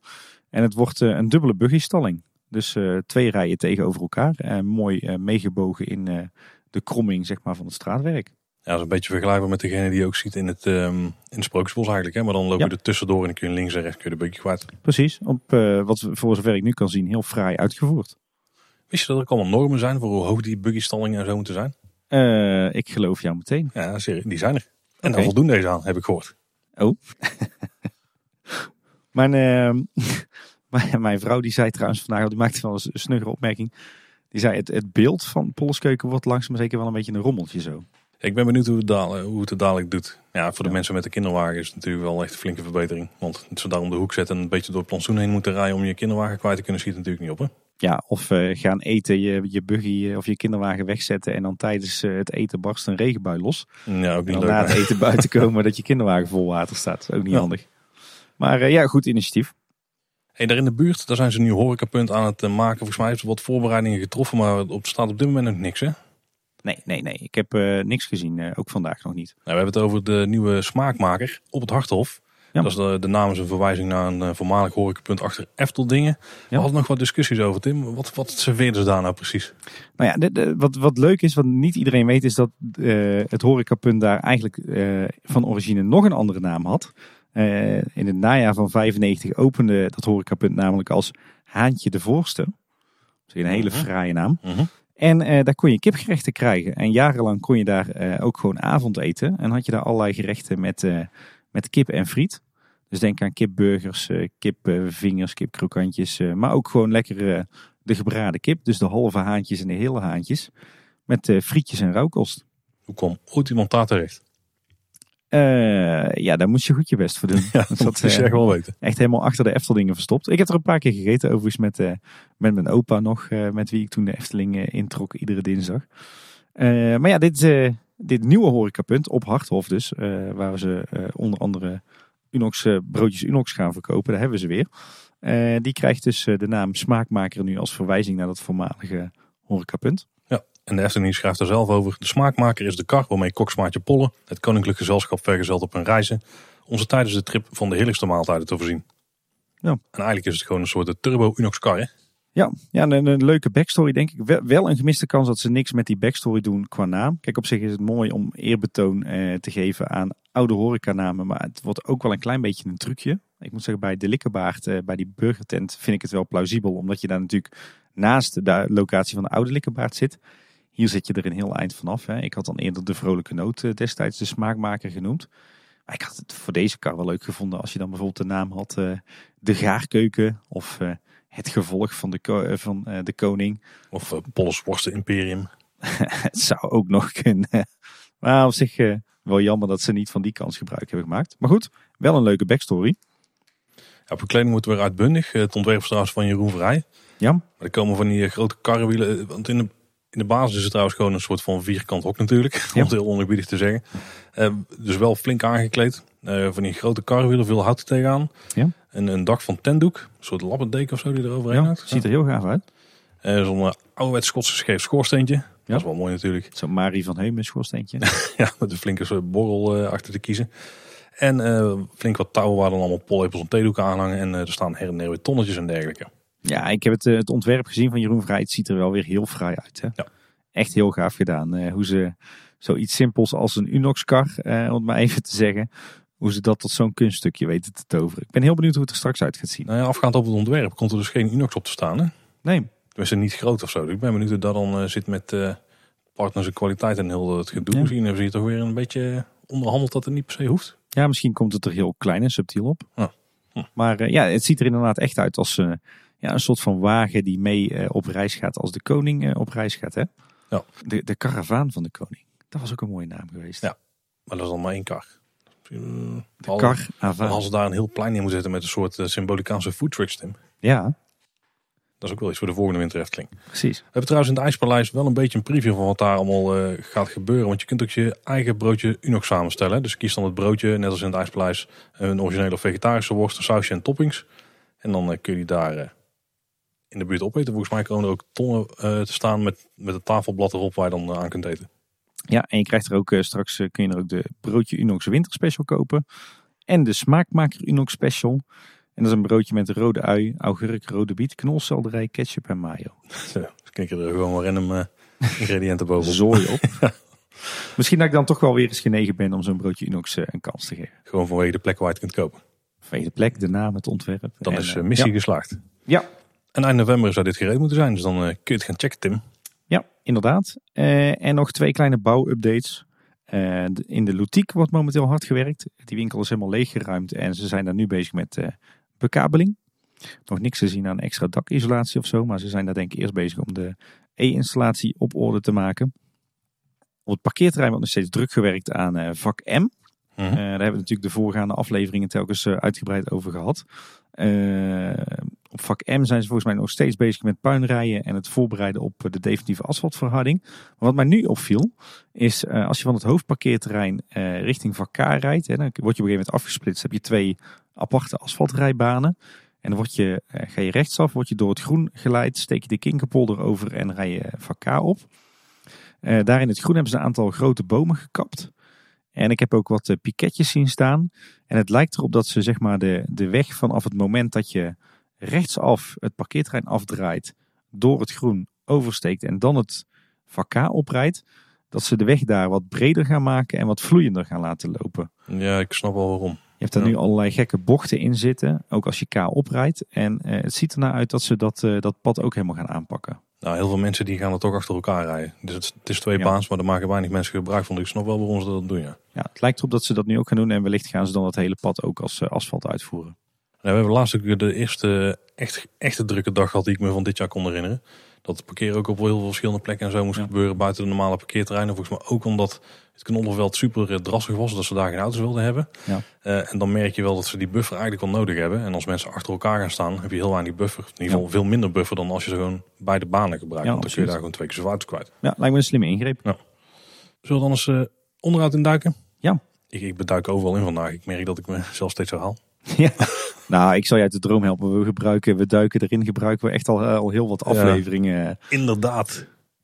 Ja, dat mag je ook niet meer zeggen. Hè? We hebben een, eh, een oplettende luisteraar. Eh, volgens mij is ze ook logopediste, toch? Oh, is dat punt. Dan Ja, die mij iets te vaak op het gebruik van het woord inderdaad. Dus goed dat we daarop worden bijgestuurd. Zeker. Eh, we hebben wat follow-up op het gebied van, eh, van eh, onderhoud. De vorige keer hadden we het natuurlijk over het besluit om niks meer aan Edna te doen. En wat we daarvan vonden, dat dat niet aansloot bij de 9-plus strategie. We kregen nog een Twitterberichtje van het, in- de illustre naam Onkruid. En die schreef, vergeet in het rijtje van Laks Efteling beleid ook niet Inca Gijs. Ook dichtgegooid zonder verdere communicatie. Hm. Ja, want daar is natuurlijk de, eigenlijk de mond is dichtgespijkerd met gaas. Waarschijnlijk omdat hij te vaak verstopte, omdat eh, die buis eh, in Inca Gijs te, te nauw is. Ja, dan kan je in dit geval ook afvragen van waarom dan niet gewoon zorgen dat je hem zodanig aanpast dat hij het wel weer doet en niet verstopt. Eh, en eh, anderen kwamen ook met, eh, met voorbeelden. Zo kwam eh, Thomas van Groningen van eh, Team Talk nog met het eh, schilderij eh, met de bokkenpoot in eh, pre 1 van Villa Volta. En eh Eftel Neurt kwam met de molen van het Larikoekenhuis. Maar ik vond dat eerlijk gezegd niet echt voorbeelden, omdat dat gewoon storingen zijn waar wel aan wordt gewerkt. Ehm, maar zo'n Inca Gijs of een Draak Etna of een eh, schatkamer in de Fata Morgana zijn natuurlijk plekken waar echt bewust de keuze wordt gemaakt om niks meer aan te doen. Eh, dus dat vond ik een ander verhaal. Eh Juri Olierhoek die berichtte nog, de oude showverlichting is terug tussen de Panorama Salon en het Botanicum in Symbolica. Dus het zal wel een foutje zijn geweest of de lampen werkten toen niet naar behoren. Hm. Dat ging over die eh, felwitte showverlichting die daar gespot zou zijn. En dan eh, groot Ravelijn nieuws, want Ravelijn is weer open. Vanaf 9 november waren er weer shows. Waren nog wel wat kinderziektes, want de eerste twee shows die gingen op die dag niet door. Ja. Maar de laatste show van de dag ging volgens mij wel door. Of de ene laatste. Wij zijn dus echt serieus bewust die dag onder andere voor Ravelijn naar de Efteling gegaan. En wij hebben dus tot twee keer toe een half uur lang in de rij gestaan om vervolgens te horen dat de show niet doorging. Echte fans hebben jullie in de familie hoor ik al. Ja, dus met eh, kids is dat eh, niet handig. eh. Maar in principe, Draconicon is gerepareerd. Eh, niet volledig nog, want op dit moment staat hij alleen nog op de bovenste positie. Want de Draconicon komt natuurlijk omhoog, hè, dus dan schuift die Ja. toren naar achter en dan komt ze, komt ze, is een dame, denk ik. nou, niet dat ik weet. Ja, eh, onzijdig, maar dat maakt niet uit. Dan komt Het, het omhoog. Dus in die positie blijft het dan staan. Eh, in die positie staat het al, dit is heel vreemd praten. Ja. In die positie staat hij al vanaf het begin van de show. Ehm, ja, het is, het is dus echt bijna drie maanden geen Ravelijn geweest. Hè? Nee. Nou, ruim drie maanden geen Ravelijn zelfs. Vanaf 4 augustus was, eh, was het kapot. En nu is het in ieder geval in, staan, in een mogelijk gekomen positie is de Koning weer. Ja, het, eh, het, het verhaal ging ook dat, het, eh, dat die heftafel waar die op stond, dat die in elkaar was gesodemieterd. Hè? En dat dat die, dus de reden was dat die show zo lang stil heeft gestaan. Ja, maar ze wilde de Koning afgevoerd. Was dat dan voor een renovatie of was het? Ja, misschien dat hij zo hard was gevallen dat, dat hij al zit van zijn Ah. gewrichten. Hm, weet het zou niet. Ja. Ik ga in ieder geval komende zaterdag weer een poging doen. Weet je wat de reden was van de eerste shows dat hij het niet deed? Ja, wij stonden in de rij en er werd toen door een beveiliger gecommuniceerd dat het zou gaan om een stroomstoring. Geen idee of dat eh, een eh, lulverhaal was of eh, echt waar, maar dat is wat ons is verteld. Oké. Ja, er waren ook wat meer vernieuwingen. hè? Ja, ze hebben op de, de brug, zeg maar, als je naar Ravelijn toe loopt, daar, daar lagen van die hele stoere keien, van die Mhm. hele ongelijke grote lompe keien. Die liggen er nog steeds, alleen hebben ze het middelste gedeelte hebben ze vervangen. En er liggen nu een soort van eh vlakgeslepen keien in. Heel mooi gedaan, want het is natuurlijk een stuk beter voor de toegankelijkheid, voor minder valide en voor eh, senioren en kinderwagens. Maar wel in dezelfde uitstraling. Ehm, en links en rechts van dat pad, van dat geplaveide pad, zeg maar, heb je natuurlijk nog die grove keien. Dus dat was heel fraai gedaan. En er is weer een nieuw bord eh, opgehangen om het restaurant Wapen van Ravelijn te promoten. Was eerst een muurschildering en nu is het een, eh, een groot gebeitst houten bord. Met grote witte letters, eh, restaurant het Wapen van Ravelijn. Ja, dat kan wel meer aandacht gebruiken. Super veel Ja. capaciteit, maar volgens mij is het hetzelfde vol. Tenzij het misschien is uitverkocht. Dan naar Gondoletta. Daar zijn ze groot onderhoud aan het doen. Ik weet niet precies wat het doel is of zo. Gewoon normaal onderhoud denk ik. Maar ze hebben in ieder geval heel de Nee. draaischijf verwijderd. Nou, dit is op zich wel super interessant. Ze hebben Oh, dat oh. hele stationsgebied hebben ze zeg maar helemaal leeggepompt. Viel mij trouwens op dat daar een hele betonnen kelder eh, naar Ja. boven kwam. Dus onder het hele eh, draaischijfgebied zit gewoon een hele ronde betonnen bak met een soort van kelderconstructie. Ze hebben inderdaad de, de, de volledige staalconstructie van de draaischijf verwijderd. Eh, ze zijn er een tijdje in zeg maar die betonnen wand, die ronde betonnen wand, zijn ze aan het boren geweest. Ik dacht eerst, daar zijn ze ankers aan het inboren voor de nieuwe staalconstructie. Maar als ik afgaande op de foto's die ik sindsdien heb gezien, lijkt het er bijna op dat ze heel die betonwand aan het injecteren zijn geweest. Misschien om, hem- om hem eh, waterdicht te krijgen of sterker te krijgen. En het, eh, het lijkt erop dat, ze dat eigenlijk de, de totale draaischijfconstructie gewoon volledig opnieuw wordt aangebracht. Oké, En dat is toch wel een, Ja. eh, een forse ingreep. dat is nog zelden gebeurd denk ik.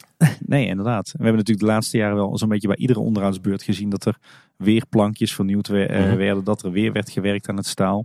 Misschien dat het gewoon iedere keer loos was en dat er iedere keer wel wat was met die staalconstructie. En dat ze nu gewoon gezegd hebben van alles eraf en alles nieuw. Ja. En dat verklaart dan wel waarom het eh zulk groot onderhoud wordt genoemd en waarom eh, de attractie zo lang dicht is.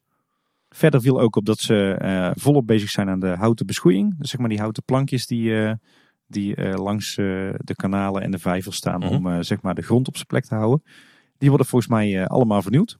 Met een, een mini-gravertje op een ponton, een ingenieuze constructie. Ja. Ze hebben een paar jaar geleden hebben ze al, een, al het eerste stuk gedaan, zeg maar, vanaf de draaischijf richting, eh, ja, richting Baron 1898, zeg maar. En ik heb het idee dat ze die werkzaamheden nu gewoon verder zetten. Ziet er eh, allemaal heel eh, netjes en duurzaam uit. Wat mij ook opviel is dat ze die, eh, die vis die daar dan met de winter Efteling altijd ligt. Dat ze die nou uit het water hebben getrokken en dat je ook de, techniek een beetje ziet. Want Ja. vooral al een hele stapel met leidingen zijn die die kant op lopen. Ja. Dus met elektriciteit. En ik denk ook gewoon, want er komen ook bubbels omhoog toch? Ja. Want er waren meerdere leidingen. Maar dat zal dan ook dus voor lucht gewoon zijn? Ja, misschien eh, aansturing van de showtechniek. Ja. Hm. Flinke, flinke buskabels. Hij zou terugkomen op de plek waar dat hij lag, maar ik ben benieuwd of dat hij dan eh, weer gaat werken. En de 13 december dan moet eh, heel Gondoletta weer open gaan. Dat is ook niet zo heel lang meer hè? Nog een week of vier. Ja, ik ben benieuwd wat we de komende weken nog eh, gaan zien. Met name aan die draaischijf. Dan kondigde de Efteling ook aan dat ze twee themasuites gaan renoveren in het Efteling Hotel. De Doorn Roosje Suite en de Wolf en de Zeven Geitjes Suite. De werkzaamheden die zijn al begonnen. Ja. Die zouden voor de kerstvakantie gereed moeten zijn. Er komen nieuwe bredere bedden, luxe badkamers, opgefriste decoraties met onder andere spinnenwiel. Kon niet Ja. ontbreken volgens de. Efteling. Eh, nieuw schilderwerk, nieuw tapijt, gestoffeerde zithoek en een vijfde bed. Ja. Dat is ook wel gunstig hè, voor de wat grotere gezinnen. Ja, daarmee zoeken ze wel de aansluiting met het, eh, het Loonse Landhotel. Daar heb je ook allemaal eh, vijf en zes persoonskamers. En het ontwerp is wederom van Jeroen Verheij. Die niet stil kan zitten de afgelopen weken denk ik. Want die moet overal gaan checken hoe het allemaal gaat. Een druk baasje, ja, Ja. die Jeroen. Als jij dan in die Doornroosjekamer eh zou slapen, zou je dan voor de grap ook even aan het spinnenwiel Ja, prikken? ja, dat moet bijna wel. Hè. Moet bijna wel, hè? Ja. Eh, De oude tuffelbaan die had wederom een storing door bladeren op de baan. Ja, dat is toch eh, wel vervelend hè. Het is echt knudden. Ja. Ik zag de beelden nu weer dat ze met, met man en macht met eh, bladblazers de baan aan het schoonblazen waren. Omdat die autootjes niet wilden rijden. Ja, wat ook een beetje jammer is, is dat er nou eh, zoveel auto's blijkbaar, er wordt aan gesleuteld of zo. Dat op een gegeven moment op foto's er, eh, tevoorschijn kwamen waarbij de auto's niet meer in de reparateur pasten. Ja. Het eh, garage daar zeg maar. En dat ze gewoon dus met de deuren open daarvoor de deur stonden. Want het paste gewoon niet meer naar binnen. Nee, en we kregen nog een tip van een insider en hij, schrij, hij of zij schrijft... die tuffers die staan daar omdat de oude tuffer formeel nog steeds niet is opgeleverd.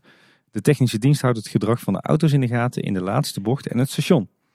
Eh, in het station bij de uitstap hangt ook een camera daarvoor. Auto's stoppen ongewenst en rijden te langzaam. Ja, jammer. Knudden. Moeten ze gaan fixen. En dan eh, is hij straks hopelijk wel een keer volledig opgeleverd. Ja. Er vielen jou nog een hoop andere dingen op het Tim. Nou, ik zag wat eh, tweets voorbij komen van eh, Eftel Nerd en Chris van der Zanden, onze huisfotograaf, over geurtjes. Want de kaneelgeur is weer terug in Herberg de Eersteling. En ook in de Fata Morgana zouden er weer geuren terug zijn in eh, onder meer de jungle en eh, de troonzaal, de Ja. harem zeg maar. Goeie zaak. Misschien dat het gefixt is omdat ze nu ook eh, geuren hebben aangebracht bij de Zes Zwanen. Ja, ik denk dat ze gewoon weer een keer een flinke order hebben gedaan. Dat het misschien Ja. was. Dat zou kunnen. Wist jij trouwens dat het een heel apart wereldje is? Ja, daar hebben we het volgens mij wel eens eerder over gehad. Met, toen we een beetje discussie hadden rondom die geuren bij eh, Hans en Grietje. Ja. Ja, ik, ik weet nog wel, eh, ik heb daar heel, eh, heel veel zaken mee gedaan in mijn tijd dat ik bij uh, Ahoy werkte. Je hebt dus best wel wat bedrijfjes die doen in geuren. Dat is ooit ontstaan in de, de wereld van de sportscholen en de sauna's. Mhm. Om ongewenste geurtjes te, te maskeren. En tegenwoordig kan je dus gewoon zo'n geurmachine op je luchtbehandeling aansluiten. En dan heb je echt een lijst van misschien wel 100 of 200 verschillende geuren. allemaal biologisch en esoterisch en weet ik het allemaal, dus niet chemisch. die je dan dus kan inblazen variërende van pepermunt tot sinaasappel en kaneel tot kerstgeur. En eh, echt heel gaaf. Uh, wij deden destijds altijd zaken met uh, Sense Company. Ik zal een linkje in de show notes plaatsen. Dat is wel interessant om te zien. Maar we hadden bijvoorbeeld op een gegeven moment de uitdaging dat we in een van de hallen van Ahoy het, het kerstcircus hadden staan.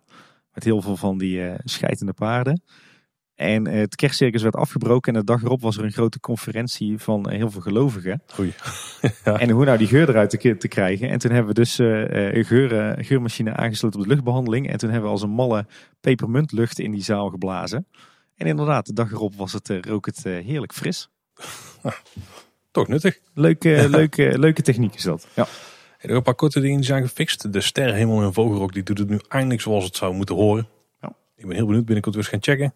Het inschaduwwerk in de meandering van Droomvlucht is nu helemaal afgerond. Nou Tim, eindelijk hè. Je hoeft Ja. niet meer te herhalen.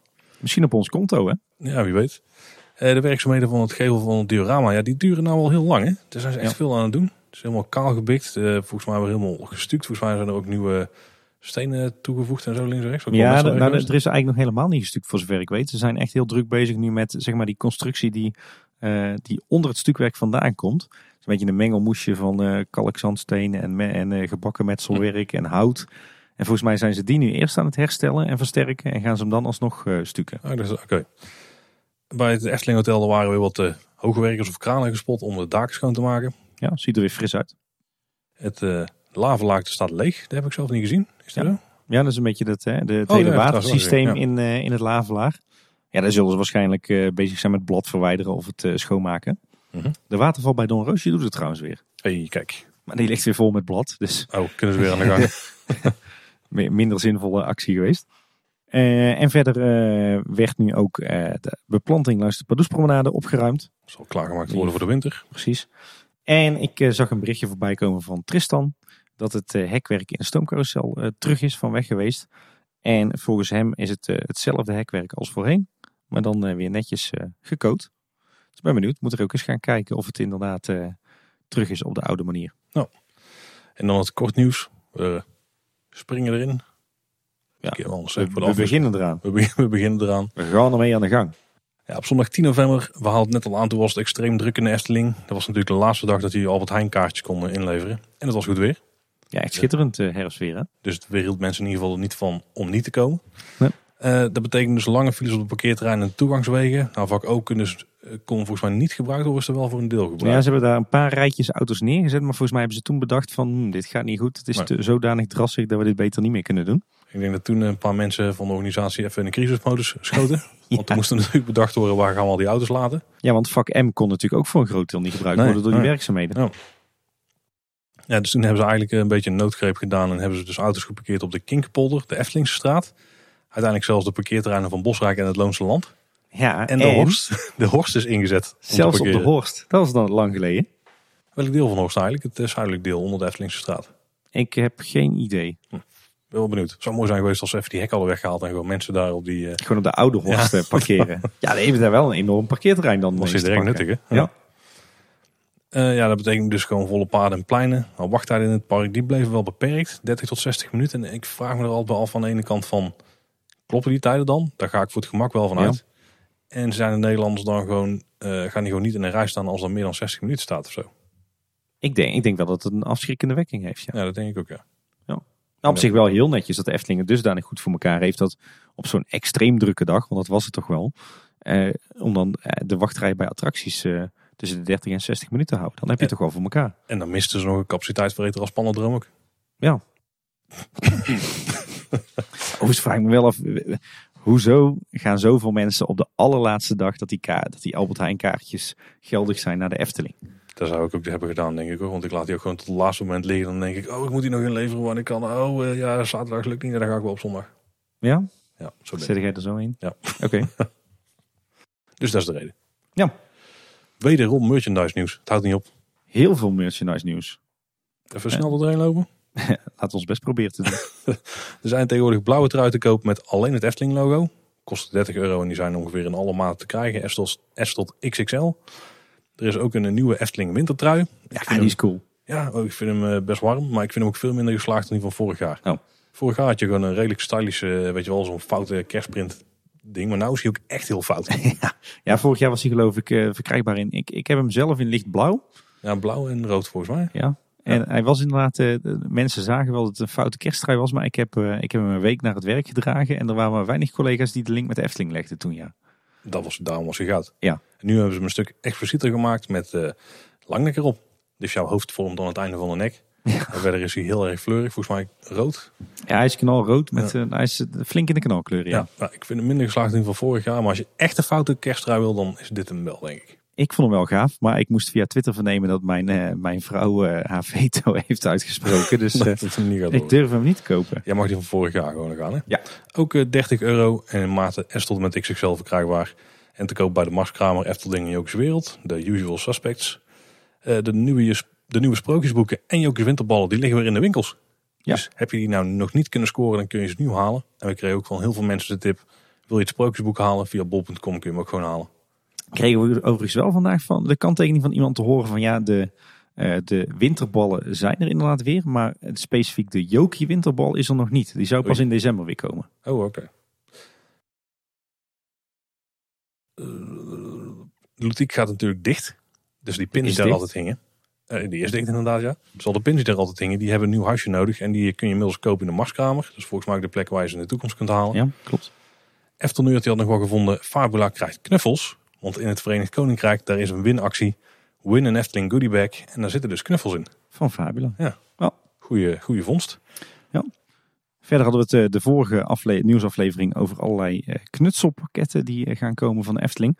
En de eerste pakketten die zien we in de winkels. Ik heb onder meer de, een soort van bouwpakket van vliegende elfjes van Droomvlucht gezien. En eh elfenvleugels en een staf die je kan inkleuren en uitknippen. Maar ook een eh, symbolica bouwpakket en krasposter. Eh, een ravelijnzwaard en schild die je zelf kan inkleuren en uitknippen. En inkleurmaskers. En van Sprookjesboom eh Water Pixel Beads. Whatever that might be. Zonder met een D en niet met een T trouwens. Ah, niks met muziek te maken. En raamstickers. Dus heel veel nieuws. En dan een last en misschien wel least, ik heb geen idee. Vier verschillende mini kerstboompjes, inclusief decoratie en nepsneeuw in sprookjesboomthema voor 17,50. Zag er leuk uit. Eh, er is ook een nieuwe wintereditie van Wonder van het magazine voor de abonnementhouders. Maar Ja. heb jij die al gehad, Tim? Ik heb hem nog niet gehad. Oh, ik ook niet balen. Hij ligt in ieder geval op de mat tussen ja, 12 en 16 november. Dus hij had er al kunnen zijn vandaag, maar wij hebben hem nog allemaal voor allebei niet gehad. Ja, de ervaring leert wel dat wij mijn kaartzeuvel vaak als allerlaatste krijgen. Ja, dat ze daar gewoon even een kabouter of zo lang sturen om die even bij ons af te leveren. Precies. Er staan eh, blijkbaar, eh, dit is allemaal blijkbaar, want we hebben het nog niet gezien. er staat een artikel in over de winterse gerechten. En daarbij geeft Kok Cindy ook tips voor een eh, stressvrij kerstdiner. Weet je wat een heel goed stressvrij kerstdiner is? Als je in de Efteling nuttigt. Precies. Gewoon eh, de familie overtuigen om lekker naar de winterefteling te gaan. En daar eh, even wat tatje naar binnen werken. Goeie tip. Pannenkoekje. Ja, Hè? zeker. Ja, ja, ja. Ze hebben ook drie groepen die dan de zes zwanen gaan testen. Volgens mij testen die de individuele onderdelen. Zo heb ik het in ieder geval gezien in het kleine plaatje wat erbij stond. Een interview over Caro. En meekijken met het opstarten van Jongens en de Draak. Daar ben ik dan wel benieuwd naar. Ben ik kijk ook wel super naar uit. Ja. En hier ben ik misschien ook wel het meest benieuwd naar een interview met Robert Jaap Jansen en Paul van Amstel over Max en Moritz. Ja. En wat er dus ook in staat in de komende wonders zijn de updates van de abonnementsprijzen. Volgens mij heb ik die al wel langs zien komen en zag ik ergens dat het 199 euro per jaar werd voor direct afkopen. En wat eh, wordt het eh, per maand? Daar stond er dus niet bij. Of was het 18 euro? Oké, denk een roodje erbij dan. Ja, zoiets. Kunnen we handelen toch? Dus dat moeten we wel handelen, Tim. Ja, precies. We moeten ons opofferen. Ik kreeg ook nog een tip van een luisteraar. Fou, die heeft zich nu ook ingeschreven op het adres Europalaan 1. Ja. Dus op zich niet per se heel bijzonder. Er zijn wel meer bedrijven die dat eh, doen. Die veelal wel met Efteling te maken hebben. Volgens mij is er ook een Laplace op eh Europalaan 1. Want die zit er natuurlijk ook Ja. gewoon eentje in Efteling. En ik denk dat dit daarmee te maken heeft. Dat ze gewoon ook een postadres hebben daar. Zal iets met een belastingen te maken hebben. Of Ah, eh, zou kunnen, arbeidsrecht of zo. Nou, we hoorden ook nog dat coachorganisatie Elans, die heeft de UNICEF Paul van Vliet Award 2019 gewonnen. Eh, die prijs die wordt dus onder andere beschikbaar gesteld door de Efteling. Daar vertelde ook eh, Wieke over hè, in Ja, de vorige klopt. aflevering. Eh Elans Academy die biedt verschillende programma's aan voor kwetsbare meiden en jonge vrouwen in de Randstad. Dus goede zaak hè. Dus Absoluut. die hebben gewonnen. Ja. We kregen ook nog wat hele unieke bouwfoto's van Symbolica voor de kiezen. Die kwam ik via Twitter tegen, via Eftelbolica. En daarin zag je het wonderdepot, waarbij de plafonds nog niet afgerond waren. Zeg maar. Toen zag je er gewoon de, de gipsplaten er tegenaan zitten. En als het dan al vergelijkt met hoe het uiteindelijk is, hoe het uiteindelijk is geworden, is het best knap hè, dat ze dan nog dat het dan van maken. Ja, het, het waren echt hele leuke bouwfoto's ja, van het interieur. Dus die hebben we nog niet eerder gezien. We zullen een linkje naar de tweet van Eftelbolica in de show notes zetten. En ik denk dat het slechtste nieuws van de afgelopen week toch wel is dat contactloos betalen nu ook bij de snacklikes kan bij de Smulpaap. En vanaf 21 november ook bij de hongerige machinist. En dan kunnen we overal eh, betalen met contactloze betaalmethodes. Ja. Is er toch een soort van, eh, soort van eh, fysieke barrière van het, eh, het gebruik van de snackmuur af? Nou, het is nog erger geworden. Apple Pay is tegenwoordig beschikbaar voor Rabobank. Dus ik kan nou ook gewoon met twee klikjes op mijn telefoon of mijn horloge betalen. Kun je daar een eh Bami-blok kopen? Twee keer. We hebben het al eerder gehad hè, over de gemeenteraad en dat hij dan de toeristenbelasting wilde verhogen voor verblijfsgasten. Eh, die wordt inderdaad uiteindelijk flink verhoogd. Er is een begrotingsvergadering geweest van de gemeenteraad en die gaat naar 3 euro per persoon per nacht. Alleen bed and breakfasts en minicampings die worden uitgezonderd. Verhoging van de vermakelijkheden retributie voor de Efteling die is absoluut bespreekbaar, maar niet al per 1 januari. Ja, dus daar hebben we. Was denk ik een slimme zet van de nieuwe wethouder. Die, eh, die gaf zo eh, eigenlijk gehoor aan de, de wensen van de oppositiepartijen. Maar eh, zonder meteen de Efteling in een lastige positie te brengen. Nou, wel qua verblijfsgasten daar natuurlijk, want daar heeft het wel betrekking op. Ja. Maar wordt vervolgd. We zullen in 2020 nog wel wat eh, horen over deze bijdrage. Ja, zeker. Ik zag trouwens ook nou ineens voorbij komen dat er schijnbaar een samenwerking is tussen het Guesthouse Hotel en Renault. Ja, ik? Ik stond in, eh, ik luister namelijk nooit radio, maar er is blijkbaar een radiospot gegaan eh, van Renault, waar Guesthouse Hotel in wordt genoemd als op loopafstand van de Efteling. Volgens mij kan je dat winnen of zo. Oké. Was me heel duidelijk. Ik stond in de parkeergarage in Tilburg en toen ving ik net het laatste stukje op. Eh, maar luisteraar Rendo die attendeerde ons erop dat er inderdaad een samenwerking is. Ja. Oké. Er was ook een eh, YouTube video weer verschenen. Daar blijven ze bij de Efteling uiteraard mee uitkomen. De leukste attracties voor de allerkleinste Efteling bezoekers. Ja, Ze knippen ons ideeën nou dus gewoon op hè. Ze zijn een beetje door de koek heen. precies. ja, die, eh, die aflevering die hebben wij zelf natuurlijk ook al gemaakt. Volgens mij binnen in, in de eerste vijf afleveringen van onze podcast, toch? Ja, dat was een redelijk snel inderdaad. Ja. Ik, Ja. ik heb hem zitten kijken. Het was niet, geen heel boeiend filmpje. Het was eigenlijk gewoon een, eh, een lange opeenstapeling of opsomming van eh, alle attracties, sprookjes, speeltuinen die mogelijk leuk zijn voor kinderen. Zat symbolica erin? Ja. Is niet voor de allerkleinste. Ja. Het is een beetje dubieus dan weer. Er zat een heleboel in. Het was, een, het was een vrij complete opsomming van alle attracties in het park. Oké, behalve de achtbanen dus. Ja. Vacatures Tim, waar er nog een hoop. Ja, er waren er een hoop. Eh, heel veel meewerkstages momenteel. Ook, ook aardig wat, sta, wat eh, functies in de horeca. Maar wat leuke eh, vacatures zijn onder meer eh, productieleider video. Mhm. Eh, is misschien wat voor Bart Baan of zo. Ja. Voor Sander van de Vijf Zintuigen. Eh, ze zoeken ook een teamlead finance en salaris support. Voor als je in de, de salarisadministratie zit. En een medewerker front office contact center. Dus dan mag je bij de Trinkel gaan werken, zoals die in mijn tijd nog heette. Ja, dus wil je er meer van weten, check even de vacatures op de Efteling site. Ja. Eh, wat, we kregen ook nog een tip dat de Efteling plattegrond op efteling.com wat interactiever en dynamischer is geworden. Die lijkt volgens mij ook gewoon meer op wat er eh, binnen de app te zien is. Dus je kunt dan eh, op attracties klikken en dan krijg je daar ook wat subinfo voordat je doorgaat naar de volledige attractiepagina. En je kunt ook de vakantieparken erop zien. Dus krijg je een goed idee van waar je ongeveer zit als je naar een van die parken gaat. Ja. Dus dat is tof. En dan nog dit Tim. Nou, als we het dan toch over plattegronden hebben en Efteling. Ik was afgelopen weekend, ja, dat is niet waar. Ik was vorig weekend jarig. En toen heb ik, Gefeliciteerd, Paul. dankjewel. En toen heb ik twee plattegronden gekregen van Efteling. Twee oude plattegronden.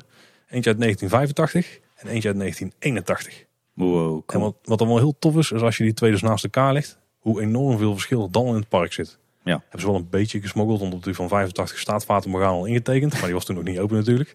En als je kijkt hoeveel van de nu geliefde attracties, zeg maar, in die tijd daartussen zijn gebouwd, dat is echt wel gruwelijk. In 81 is het nog een heel simpel park eigenlijk. Dan heb je het spookslot, je hebt eh, het stoomcarousel, dat zijn dan echt belangrijke items, samen met de kano en de roeivijver. Ja. En je hebt dan natuurlijk eh, Python, die er op de plattegrond ongeveer uitziet als een soort eh, uitgerolde rol duct tape met wat latjes op, met houtjes Ja. erop of zo, heel vreemd. En dan was het eigenlijk wel. Een stoomtrein die nog niet helemaal rondom aansluit. En daarna zijn er dus super veel grote attracties gebouwd. Dus dat is heel tof om die verschillen vooral uit te pluizen. Ja, volgens mij is het park toen ook in die periode ook best wel op allerlei andere vlakken veranderd. Hè? Want eh, als, je, als je naar de, de kalender kijkt, zeg maar, dan, dan zie je vooral de grote attracties toegevoegd worden. Maar volgens mij zijn in die jaren ook de Game Gallery eh, toegevoegd. Radiografische bestuurbare bootjes. Stond er 81 al wel op. Oh, Oké. Ja, volgens mij was die toen ook net nieuw. Ja, Het zou goed kunnen, stoomtreintraject natuurlijk, wat is rondgelegd. Eh. En verder was Ruikrijk gewoon helemaal leeg. Ja. Dus eh, dat is wel tof om te zien. Sowieso zijn eh, pretpark plattegronden en Efteling plattegronden altijd wel cool. Plattegronden zijn, plattegronden zijn gewoon altijd cool. Kaartmateriaal is altijd cool. Ja, daar komt het wel op neer, ja. Topotijdreis.nl. Is een hele leuke. Ja, dat is mooi hè. Ehm, we hebben nog een, eh, een leuk verslagje gekregen. We hadden de vorige aflevering over de Duitse Efteling-fan Tim. Eh, die is 23 jaar oud en die heeft zijn eigen OJ Punctueel animatronic gebouwd. Ehm en 3D-print uiteindelijk synchroon met de teksten. Alles aangestuurd via een app. Echt super tof. Eh, daar hadden we het de vorige keer al over. Eh, we kregen op een gegeven moment een berichtje van Marvin. Marvin van der Hoeven. Die al meerdere, meerdere malen bij ons te gast is geweest. En die inmiddels dus ook Afterpark Lounge eh, doet met Jafet. Ja, en En die- bekend van de vijf zintuigen natuurlijk. En die liep naar Tim en toen vroegen wij van... Heb je misschien tijd om een paar vragen aan hem te stellen? En, toen zei je Marvin, welke vragen dan? En toen kwamen wij met een lijst van ongeveer 88 vragen. Ja.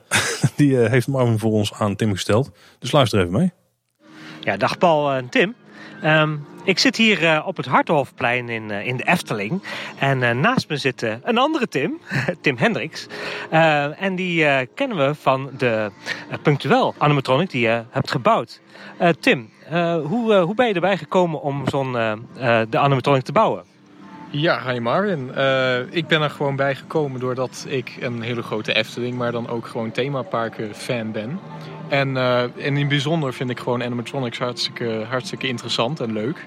Ehm, ja, en ik wilde gewoon ook een keer iets met een Raspberry Pi eh, doen. Met een kleine computer die je zelf kunt programmeren. En ehm, doordat ik ook software developer ben, was dit gewoon een mooie uitdaging om een keer iets eh, te doen wat niet alleen digitaal is, maar wat je dus wel gewoon in het echt kunt zien en ook aan kunt raken. En eh, waarom heb je eigenlijk voor eh OJ Punctueel gekozen?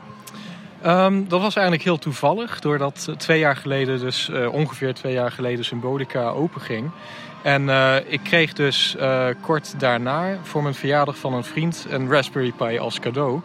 En eh, dus begon ik om na te denken over wat, wat voor een animatronic zou het kunnen worden. En wat is misschien wel gemakkelijk. Eh, dus dacht ik aan OJ Punctueel, omdat hij, ja, hij heeft wel mooie bewegingen, maar het zijn er maar vier stuk als je het, eh, als je het optelt. En ik dacht dat het een mooi project is om mee te beginnen. Maar ik dacht niet dat het dus twee jaar zou duren voordat hij dus echt klaar is. Wat, wat was eigenlijk jouw grootste uitdaging voor, voor deze animatronic? Uh, ik denk de grootste uitdaging zal wel uh, ja, ten eerste geweest zijn dat uh, toch vrij veel kracht op zo'n servo kan, kan zitten. Zeker als hij met, zijn, met zijn hele lichaam naar voren buigt. Daar, dan merk je toch pas als je je daarmee bezighoudt hoeveel kracht op zo'n motor zit. En uh, ja, dat uh, is dus eigenlijk ook pas in de tweede versie, toen ik begonnen ben met een 3D-printer te werken, is dat beter geworden doordat het materiaal heel licht is. En toen was dat ja, daarmee op te lossen. En het andere wat heel lastig was, was het masker, wat gemaakt is van de siliconen. En dan probeer je natuurlijk om vooral die mondbeweging zo realistisch en zo mooi mogelijk te maken. En daar ja, heb ik toch ook heel veel uren nodig gehad uh, voordat hij echt zo uh, een mooie mondbeweging had uh, zoals dat nu is. Hoeveel, hoeveel tijd heb je er uiteindelijk in gespendeerd? Heb je dat een beetje bijgehouden? Ja, het is natuurlijk wel zo dat je dat uh, doet als je weer van je werk naar huis komt uh, en, je kunt er niet uh, fulltime aan werken. Daarom dus ook die twee jaar. Dus daar zit natuurlijk ook hier en daar een pauze in waar je dus gewoon een keer niet aan verder werkt. Maar ja, het is wel zo dat ik bijna ieder weekend, als ik niet ergens anders onderweg ben geweest, ben ik toch even weer doorgegaan met het animatronic project. Gaaf. Staan er ook nog nieuwe projecten al klaar? Ben je al met een tweede animatronic bezig? Uh, ja, eigenlijk wel. Uh, vrij snel nadat uh, OJ dus af was, ben ik eigenlijk al, al gaan denken van wat, wat zou nu nog leuk zijn om na te bouwen. Zeker omdat ik nu door OJ een soort van procedure heb ontwikkeld waarmee ik ook andere animatronics goed zou kunnen nabouwen met dezelfde technieken in Blender. Dat is een 3D-programma waar dus ook de animatie van de animatronic uh, plaatsvond. Dat zijn allemaal uh, technieken die ik nu geleerd heb. daar wil ik wel meer van gebruik maken. En ik zat te denken aan een animatronic die niet uit de Efteling komt, maar uit Disney. Want zoals al gezegd vind ik ook ja, gewoon andere themaparken leuk. En vooral ook Disney. En die hebben zoveel mooie animatronics. En op dit moment denk ik dat ik uh, wil beginnen aan een animatronic uit Phantom Manor. namelijk de Phantom zelf. Die kreeg ook ja, eigenlijk een nieuw jasje dit jaar pas. En ik denk dat hij heel geschikt is om, ja, voor, een, voor een volgend animatronic project. Nee. Wat vind je het, überhaupt de mooiste animatronic ter wereld? Uh, dat is ja, toch wel vrij, vrijwel zeker uh, de, de Navi animatronic in uh, Disney World, in Animal Kingdom. Daar heb je Pandora, the World of Avatar. En daar zit in de Dark Ride Navi River Journey dus één animatronic die gewoon zo geavanceerd is, die zo groot ook is, doordat het een Navi moet voorstellen. En die mocht ik twee jaar geleden ook dan zien en, en die vond ik gewoon tot nu toe de mooiste en de geweldigste animatronic die ik uh, tot nu toe gezien heb. Ik ben nu zo bezig ook geweest met die miniatuur animatronic. Gaan we van jou nog een keer grotere animatronics verwachten? Of word je nou een soort van uh, animatronic bouwer? Uh, nou, dat is, zou natuurlijk wel een mooie droom zijn als die uitkomt. Uh, maar ja, ik, ik, grotere animatronics zou ik ook wel graag bouwen. Daar heb je natuurlijk de plek voor nodig. ik zit op een appartement, daar moet ik natuurlijk wel rekening mee houden met... als je zoiets bouwt, waar zet je hem dan neer? Je wilt hem niet gewoon in een garage zetten en dat was hem dan. Um, maar misschien komt er wel een keer de gelegenheid. Misschien ook om iets buiten een keer te doen. Er zijn ook een hoop animatronics die gewoon buiten staan. En uh, animatronic bouwer worden, ja, daar mis ik misschien ook nog wel het een of het ander uh, qua technische opleiding. Uh, ja, maar als er een keer een gelegenheid zou komen, ja, dan misschien wel, wie weet. Heb je trouwens nog leuke reacties gekregen vanuit de Efteling? Een, uh, ja, zo'n officiële reactie van de Efteling niet. Maar ik heb wel toevallig gezien uh, op Facebook dat Jeroen Verheij, dus uh, de ontwerper die dus ook de teksten ingesproken heeft voor de animatronic, voor Oje.ul. dat hij dus hem gezien heeft. dat vond ik al gaaf. En ja, hij heeft ook een positieve reactie achterlaten. Dus dat was toch ook wel leuk om te zien dat hij hem dan gezien heeft. Uh, Tim, kun je ook nog iets wat uitleggen over de techniek? Hoe dat in elkaar uh, steekt? Wat, heb je er allemaal voor moeten doen om überhaupt dat, gewoon die, al die bewegingen erin te, te, te programmeren? Ja, dat zijn uh, eigenlijk best veel disciplines die je daar, waar je mee bezig moet houden voordat echt de animatronic zo klaar staat zoals die er nu staat. En um, ja, in eerste instantie begin je met een model. Tenminste, als je met een 3D-printer werkt, heb je natuurlijk eerst een 3D-model nodig. Uh, dus je begint daar uh, alles zo goed mogelijk uh, al qua verhouding na te bouwen. En, en dan natuurlijk te kijken waar moeten motoren zitten, waar kunnen motoren zitten, waar is daar plek voor. dat dus uiteindelijk de beweging overeen komt met, met het origineel. En, um, en als dat dan uh, staat en, en dat kun je dan al printen en uh, dan moeten de servo's en die motoren die moeten natuurlijk ook uh, aangestuurd worden. Dus dan ben je weer aan het programmeren en, en aan het kijken van hoe kun je die animatie die je in, in 3D eerst gemaakt hebt, hoe kun je dat vertalen naar iets wat die servo's dus ja, kunnen verstaan of dat, dat dus de beweging daaruit komt. En uh, het andere is dan natuurlijk ook weer het masker. Dat is ook weer een heel ander proces geweest om uh, dat voor elkaar te krijgen. Dan heb je natuurlijk nog de kleding, waar ik gelukkig ook uh, heel veel hulp gehad heb van mijn vriendin. Die dus ook als hobby zeg maar haar eigen kleding maakt. En dat was natuurlijk heel, ja, heel goed voor mij om, om dan haar te kunnen vragen voor het kostuum van OJ. Ja, maar je vindt het in ieder geval wel leuk om nou zo'n project gedaan te hebben. Hoeveel, hoeveel animatronics denk je überhaupt nog een keer te gaan maken? Uh, ja, nou, ik, ik, uh, ja, ik vond het super leuk. En uh, zoals al gezegd, ik heb er zoveel werk in gestopt. dat ik toch wel heel graag wat ik geleerd heb wil gaan gebruiken voor meer animatronics. Um, ja, zoveel als, het, als kan. Hè? als ik misschien een keer ga verhuizen of zo. Wie weet is het dan een aparte kamer waar, waar, die, waar ik ze ook mooi kan neerzetten en in, het licht kan zetten. dan zullen, zullen het er weer meer worden. Um, maar ja, voor nu uh, denk ik dat uh, de Phantom Animatronic als volgend project, uh, daar ga ik me nu eerst mee bezighouden. En dan zien we wel weer wat er nog van komt. Gaaf. En eh, stel dat mensen nou die animatronic willen zien, waar zouden ze dat nog kunnen doen?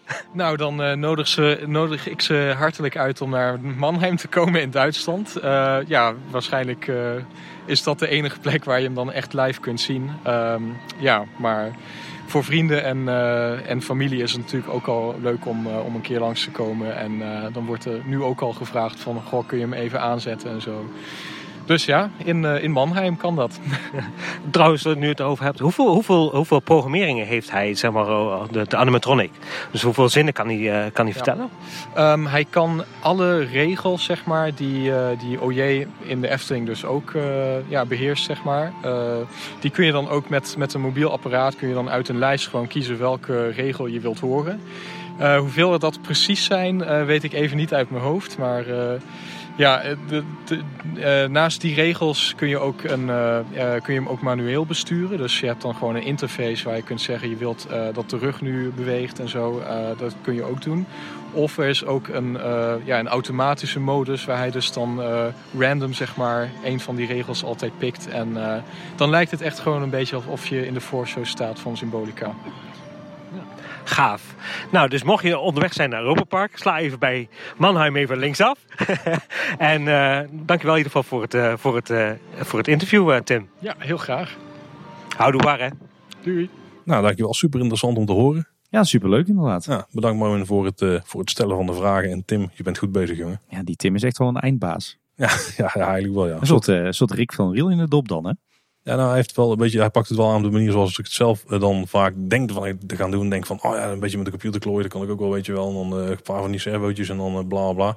Maar ik denk dat heel vaak. En hij doet het ook gewoon. En dat is wel een groot verschil. Dus dat doet hij ook goed. Tof, tof Tim. Held. En dan kregen we ook nog een vraagje van Jean. Als technerd ben ik nu toch wel benieuwd wat precies jullie nieuwe opnameapparatuur is. Ik heb het de vorige keer uit de aflevering geknipt. Ik denk dus in de intro niet zo heel interessant voor mensen om te horen. Mocht je het toch weten, blijf even 30 seconden hangen. Eh, we hebben nog steeds dezelfde microfoons, dezelfde kabels, eh, dezelfde tas, alles. Maar we hebben iets anders ingericht en er zit voortaan een Zoom F6 in. Kijk. Dat is een apparaatje wat nog niet heel veel mensen kunnen gebruiken, want die bestaat pas net. het grote voordeel van een apparaat is, eh, wat ik de vorige keer al uitlegde, het is moeilijk om daarmee verkeerd op te nemen. En dat komt omdat hij, let op Tim, een hoog dynamisch bereik heeft. Als je een beetje in de fotografie zit, vergelijk het een beetje met eh, RAW foto's ten opzichte van JPEGs. Oh, RAW kun je veel meer gegevens terughalen, kun je veel meer de schaduw eruit trekken, nog de highlights induwen. En hierbij geldt eigenlijk hetzelfde als, zelfs als je piekende audio hebt opgenomen, dan zit hier nog zoveel informatie in dat je die pieken gewoon naar beneden kunt trekken en dat dan gewoon de volledige audio nog te herstellen, zeg maar. En hetzelfde geldt ook voor heel zacht opgenomen audio, waarbij deze ook nog heel goed is om eh, dat zonder heel veel ruis te doen. En dan eh, kunnen wij dus als het goed is hele clean opnames maken, eigenlijk in alle situaties. Ja. Als er heel veel volumeverschil in één keer in zitten. Ja, want ik begreep, eh, dit is niet echt mijn expertisegebied, maar dat de, onze collega podcast in, eh, in Pretparkland, dat die vaak met een, eh, en ook een Zoom-apparaat uit de H-serie opnemen. Hè? Ja, dat deden wij eerst ook, ja. De H5 of H6 geloof ik. De meeste, eigenlijk iedereen heeft een H6, wij hadden zelf een H5. Eh, of met de, de Roadcaster. We hebben er van de week, of vorige week eigenlijk zelf ook aangestaan bij Ready for Takeoff. Ja. De luchtvaartpodcast. Ook een leuk apparaatje. Maar wij hebben nu dus iets, iets totaal nieuws uit een, eh, een andere serie. Ja, de H-serie is eigenlijk de handy recorders. Die zijn een beetje bedoeld om in je hand te houden en dan een microfoon bij iemand in zijn neus te, in zijn neus, onder zijn snuffer te duwen. Mhm. Dit is echt een field recorder, die zit vaak in een tas en dan sluit je dan verschillende microfoons aan, bijvoorbeeld om een scène op te nemen of zo. Maar het kan ook gewoon eens gesprekken opnemen of interviews als je omgevingsgeluid wil doen, want hier kunnen we direct zes microfoons in. Dus eh, we kunnen grotere groepen mensen uitnodigen. Kijk, echt, eh, we zijn nu echt het mannetje van de radio dus. Ja, Mag ik ook even nerden? uiteraard. Ik eh, ben altijd benieuwd geweest eh, hoe het zat met de, de matrixborden, de nieuwe matrixborden boven de Europalaan. Want eh, je hebt vaak met dat soort ledjes dat, dat als het zonnig is dat je ze bijna niet ziet. En als het dan donker is of s'nachts dat, je, ze- dat ze echt knallen. We hadden met de ledgevel van Ahoy hadden we dat probleem ook. Maar ik, het viel mij laatst ineens op dat, dat die gedimd kan worden. Dus naarmate het donkerder wordt, worden die ledjes boven de Europalaan teruggedimd. En hebben wij gewoon in de ketsen. Precies. Heel vet. Ik vind dat vet. Eh, leuke luistertip eh, is de Loopings podcast. Die is sowieso altijd wel leuk. Maar ik heb met veel plezier zitten luisteren naar de nieuwste aflevering met eh, Steve van de Kerkhof van de Plopside Group. Sowieso weer een heel puik interview van Wessel. Maar ja, echt heel mooi om te merken. Die, die Steve, wat van ongelooflijk intelligente man dat is. Hoe genuanceerd dat hij praat. Hoe, hoe, hoe wijs dat hij eigenlijk is. En hoe zij bij Studio 100 eh, toch een, eh, een behoorlijke pretpark-imperium uit de grond hebben weten te stampen. Maar die Steve die is eh, ja, gewoon nog heel nuchter, heel bescheiden. ehm, maar hij heeft echt heel veel kennis. Ik eh, denk als je geïnteresseerd bent in, eh, in parken opbouwen of eh, eh, zeg maar noodlijdende parken eh, weer winstgevend maken, dan moet je die aflevering eh, zeker gaan luisteren. En ik heb ook een nieuw begrip geleerd, eh, namelijk het begrip eh Ediba. Ja, was een financieel, eh, financiële term. Ja, dat ging over eh, volgens mij eh, alle omzet minus de, de directe kosten die je maakt of zo. Hm, Ja, dat is inderdaad zal een Belgische term. Ja. We zullen de, de link even in de show notes zetten.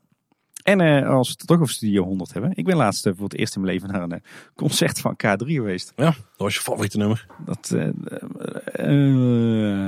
goeie vraag, Paul. Weet ik eigenlijk niet. Ik vond het, het was wel een life-changing event. Ik moet zeggen dat ik even het repertoire ook niet helemaal... want Het wordt hier ook vaak geluisterd hoor, dus ik krijg ook veel van mee. Ik weet even niet wat er op dit moment eh, de, de nummers zijn. Nee, ik weet het ook niet. Maar ik was best wel onder de indruk van wat voor enorm, eh, eh, enorme productie dat dat is. En er zit ook een hele backstory achter. En de, het podium is helemaal gethematiseerd. Echt enorm indrukwekkend. Oké. En het werkt nog steeds, want al die kindjes die staan vooraan te dansen en te zingen. Ik wil trouwens ook nog even, Arthur, we hadden het al eerder eh, eh, erover, wil ik ook nog even bedanken. Want die heeft ons eh, een aantal leuke stukjes uit personeelsblaadjes van Disneyland Parijs doorgestuurd. Onder meer over duurzaamheid in Disneyland Parijs, maar ook over het onderhoud in Disneyland Parijs. Ik heb, ben er nog niet echt ingedoken, want het is volledig in het Frans. Veel leuk trouwens. Maar ik, ik zag wel voorbij komen dat er in Disneyland Parijs 1700 man op de onderhoudsafdeling werken. 1700. Wat doen die dan allemaal de hele dag? Of eh, werken die in shifts van eh, 15 minuten of zo? Ja, of het is gewoon heel erg hiërarchisch met, tussen, met, met allerlei lagen eh, die aan elkaar toestemming moeten vragen en moeten vergaderen. Misschien dat het daarom juist zo lang duurt met onderhoud daar. Of zijn die gewoon permanent aan het staken of zo? Zou kunnen. Van, eh, de 1700 man. Zijn er die, Ja. Is dat niet het aantal wat ze hebben versleten in de afgelopen 10 jaar of zo? Nee, het is ook netjes uitgesplitst over allerlei diensten en zo. Het gaat wel echt van tuinman tot eh, manager. Het is wel Frans hè, dus je weet niet precies misschien Nee, stond. ja, maar Frans- 1700 man? 1700 man, ja. ja. Nee ja. Maar in ieder geval, we- zo- eh, zowel het artikel over duurzaamheid als over onderhoud eh, zag er eh, super interessant uit. Dus ik ga daar ook echt induiken. 1700 Maar, eh, man? Nee, ja. laat Maurice het niet horen. Maar eh, Arthur, eh, voor nu eh, merci beaucoup. En eh, vorige keer hadden we het er al over dat eh, we, wij allebei eh, druk bezig zijn met onze vakantieplanning voor eh, 2020. Eh, jij Paul, jij gaat eh, dit, eh, deze winter naar, eh, naar het oosten. Ja, meer het zuiden denk ik. Zuidoosten? Ja, zuidoosten. Jij gaat naar de Verenigde Arabische Emiraten. Ja. Nou, Abu Dhabi, hè, daar moeten Ja. we ook een paar pretparken checken. Kijk, wat, wat, eh, wat staat op je lijst, op je verlanglijst? Ja, sowieso Warner Brothers World. Want dat is Mhm. gewoon een van de tofste pretparken ter wereld. Heb ik dus van meerdere mensen gehoord. En eh, van Team Park Insider. Ehm Ferrari World zit daar natuurlijk met de snelste achtbaan ter wereld. En dan hebben we ook nog eh Yas Waterworld, wat een groot waterpark is. En in Abu Dhabi heb je een hoop eh, toeristische dingen. Zoals een van de grootste en mooiste moskeeën ter wereld. En eh, gewoon ja, een beetje die, die sfeer die er hangt. Hè? De, de oliesjeik sfeer en al het eh, uitbundige en wat er gebeurt. En Ja. Dubai is op rijafstand. Dus ongeveer een uur in een kwartier rijden. Dus ook daar gaan we zeker nog een, een dag voor uithangen bij al- alle grootste, hoogste, breedste, natste, weet ik veel dingen die ze allemaal hebben ter wereld. Nou, nat niet, denk ik. Nou, ze hebben daar wel een van de grootste fonteinshows weer ter Ah, wereld. kijk, ja, dat is waar. Ja, ja, dus eh, die gaan we ook checken. En van de zomer? Van de zomer hebben we nog geen plannen. Ja, nou, er zijn wel plannen, maar die zijn nog niet set in stone. Oké. Nou, wij gaan van de zomer dus naar Stockholm, had ik al verteld. eh, met een appartementje bij Airbnb voor het eerst. Eh, natuurlijk veel van de stad zien, veel van de natuur zien. Eh, maar ook wel wat, eh wat leisure-achtige dingen. Natuurlijk naar Tivoli Grunalund, het Stadspetpark. Maar ook naar Skansen, wat een mooie combi is van Openluchtmuseum en Dierentuin. Maar we gaan ook naar Junibakken, een indoor pretpark rond Pippi Langkous. Daar heb ik wel zin in. Misschien ook wel naar het Aquariet, het aquarium. Maar we hebben nu ook onze onze vakantie voor dit voorjaar geboekt. Of eigenlijk ook voor eh, de komende winter. En eh, we gaan uh, anderhalve week naar eh, Paris. Parijs. Kijk, en zit daar dan nog een uitstapje bij naar die plek waar ze 1700 mensen mogelijk in onderhoud hebben? Jazeker. We, we willen echt wel eh, in ieder... Ja, we, we willen eigenlijk gewoon één dagje naar Disneyland Parijs. Nu ik het zo zeg, misschien hebben ze wel 1700 man in onderhoud. Die dan worden onderhouden door vijf andere mensen. Of zo. Zou kunnen, ja. Nee, we hebben een appartementje in het eh, tweede arrondissement. Ook via Airbnb, dus wat wel spannend of dat eh, bevalt of niet. Eh, maar we Heb je willen... de buurt wel goed gecheckt dit keer? Nou ja, eigenlijk hebben we zowel bij Stockholm als bij Parijs met hetzelfde gezeten. Daar hebben we uiteindelijk na heel veel onderzoek een appartement eh, of eigenlijk een woning geboekt. Maar bij Airbnb zie je dan dus niet het, het, het adres, alleen de buurt. En bij zowel Parijs als bij Stockholm hebben we, nadat je dan betaald hebt, krijg je het adres. Dan ga je dus Google Street View doen. En bij alle twee hebben we onze eerste keuze geannuleerd binnen 48 uur. Oh, oké. De tweede keuze beviel bij alle twee wel. Maar we zitten dus eh, vrij centraal. We willen inderdaad één dag naar Disneyland Parijs. Eh, is voor mij best wel lang geleden. Heel veel mensen zeiden van, moet je niet doen met zulke jonge kinderen. Want je kan bijna nergens in. Maar goed, met eh, de Carousel de Lancelot en, en Dumbo en, en Pays de Contrefait heb je de dag denk ik ook al ge- gevuld. Gaat prima. We hadden het ook toen we daarheen gingen voor de eerste keer. De jongste was toen nog geen jaar en de oudste was nog geen drie. Nou, daarom. Ja. Beetje hetzelfde als bij ons dan. En ja, sowieso weet je wel, daar gewoon weer zijn. De rondlopen over de Main Street. eh, die thematisering bewonderen. Gewoon eh, wat eten, wat drinken. Souvenirwinkeltje. Ik heb er echt wel eh, veel zin in. En verder ook weer, weer wat cultuur. Natuurlijk langs de, de Eifeltoren en de Jardin de Tuileries. Maar we willen ook naar de Jardin de Acclimatation. Mhm. Het stadspretpark. Ja. Want we hebben toch wel een voorliefde voor stadspretparken. Maar ook een paar toffe dierentuinen. De Jardin Zoologique. En de Jardin des Plantes met de me- menagerie. Maar ook wellicht naar het eh, aquarium eh, van Parijs. Dus eh, we hebben een, volle planning voor beide vakanties. En dan heb je de stad zelf ook nog gewoon. Ja, ja die pikken we dan natuurlijk ook mee. Al schijnt het nog wel een uitdaging te worden om met een duo kinderwagen door de, door de Parijse metro ons te verplaatsen. Daar gaat gewoon niet, kan ik Ja. je vertellen. Maar dat wordt een uitdaging. De tram en de bussen die werken prima. Je moet gewoon Google Maps zo instellen dat hij de metro niet meeneemt en dan openbaar vervoersroutes plannen. En dan komt perfect. Oké, dan komt het goed. Ja. Gaan wij, gaan wij voor de buitenwereld ook weer eh, een verslag doen van onze vakanties? Die kans zit er wel in, ja. Ja, er zit voldoende pretpark eh, en dierentuin in om eh, een interessant verhaal te maken, denk ik. Dat denk ik wel. Tot slot kregen we ook nog een mailtje van Simon Langeveld. Hij schrijft, eh, hey heren, ik vond het heel erg leuk om te horen toen ik naar eh, aflevering 122 luisterde. Dat er een eh, lans werd gebroken eh, over de, of voor de dungeons. Eh, ik, eh, ik had namelijk een bericht gestuurd naar Team Talk. eh, en ik wil toch nog graag even wat rechtzetten. Het belangrijkste om mee te beginnen. De achtbaan in de Amsterdam Dungeon is een paar jaar geleden weggehaald. En vervangen door een walk, crawl, through beleving. Ook heb ik wel degelijk een kwaliteitsverschil gemerkt tussen de dungeons in Londen en die in Amsterdam.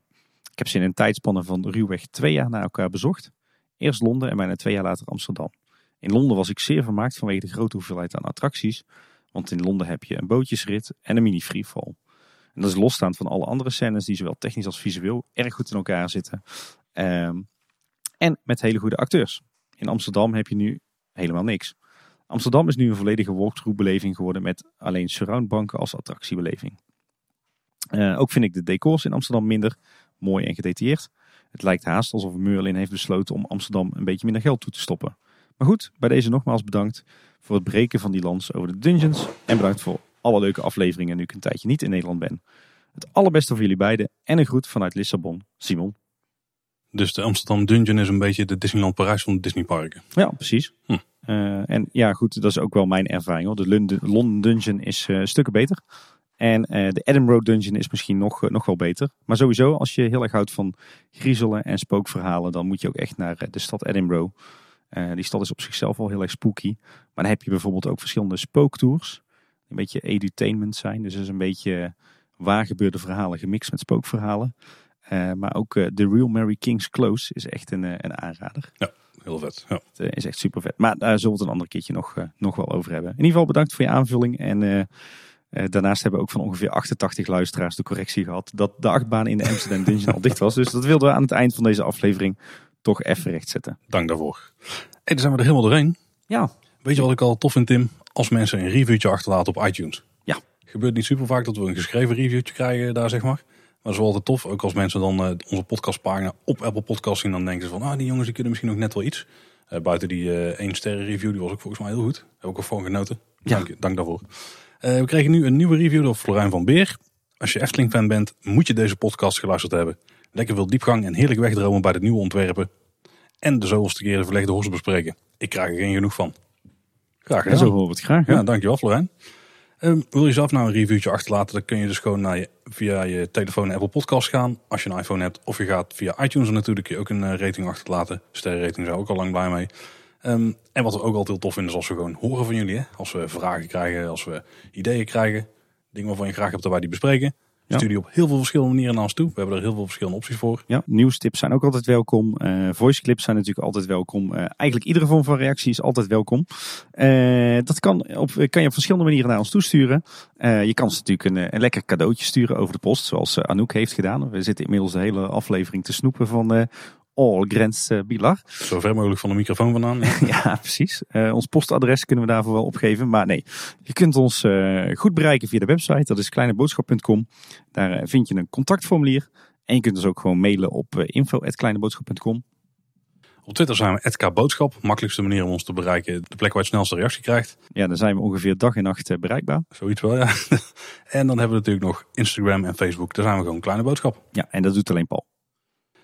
Dat was hier in ieder geval voor deze week. Bedankt voor het luisteren. Tot de volgende keer. En houdoe. Houdoe waar. Babieblok.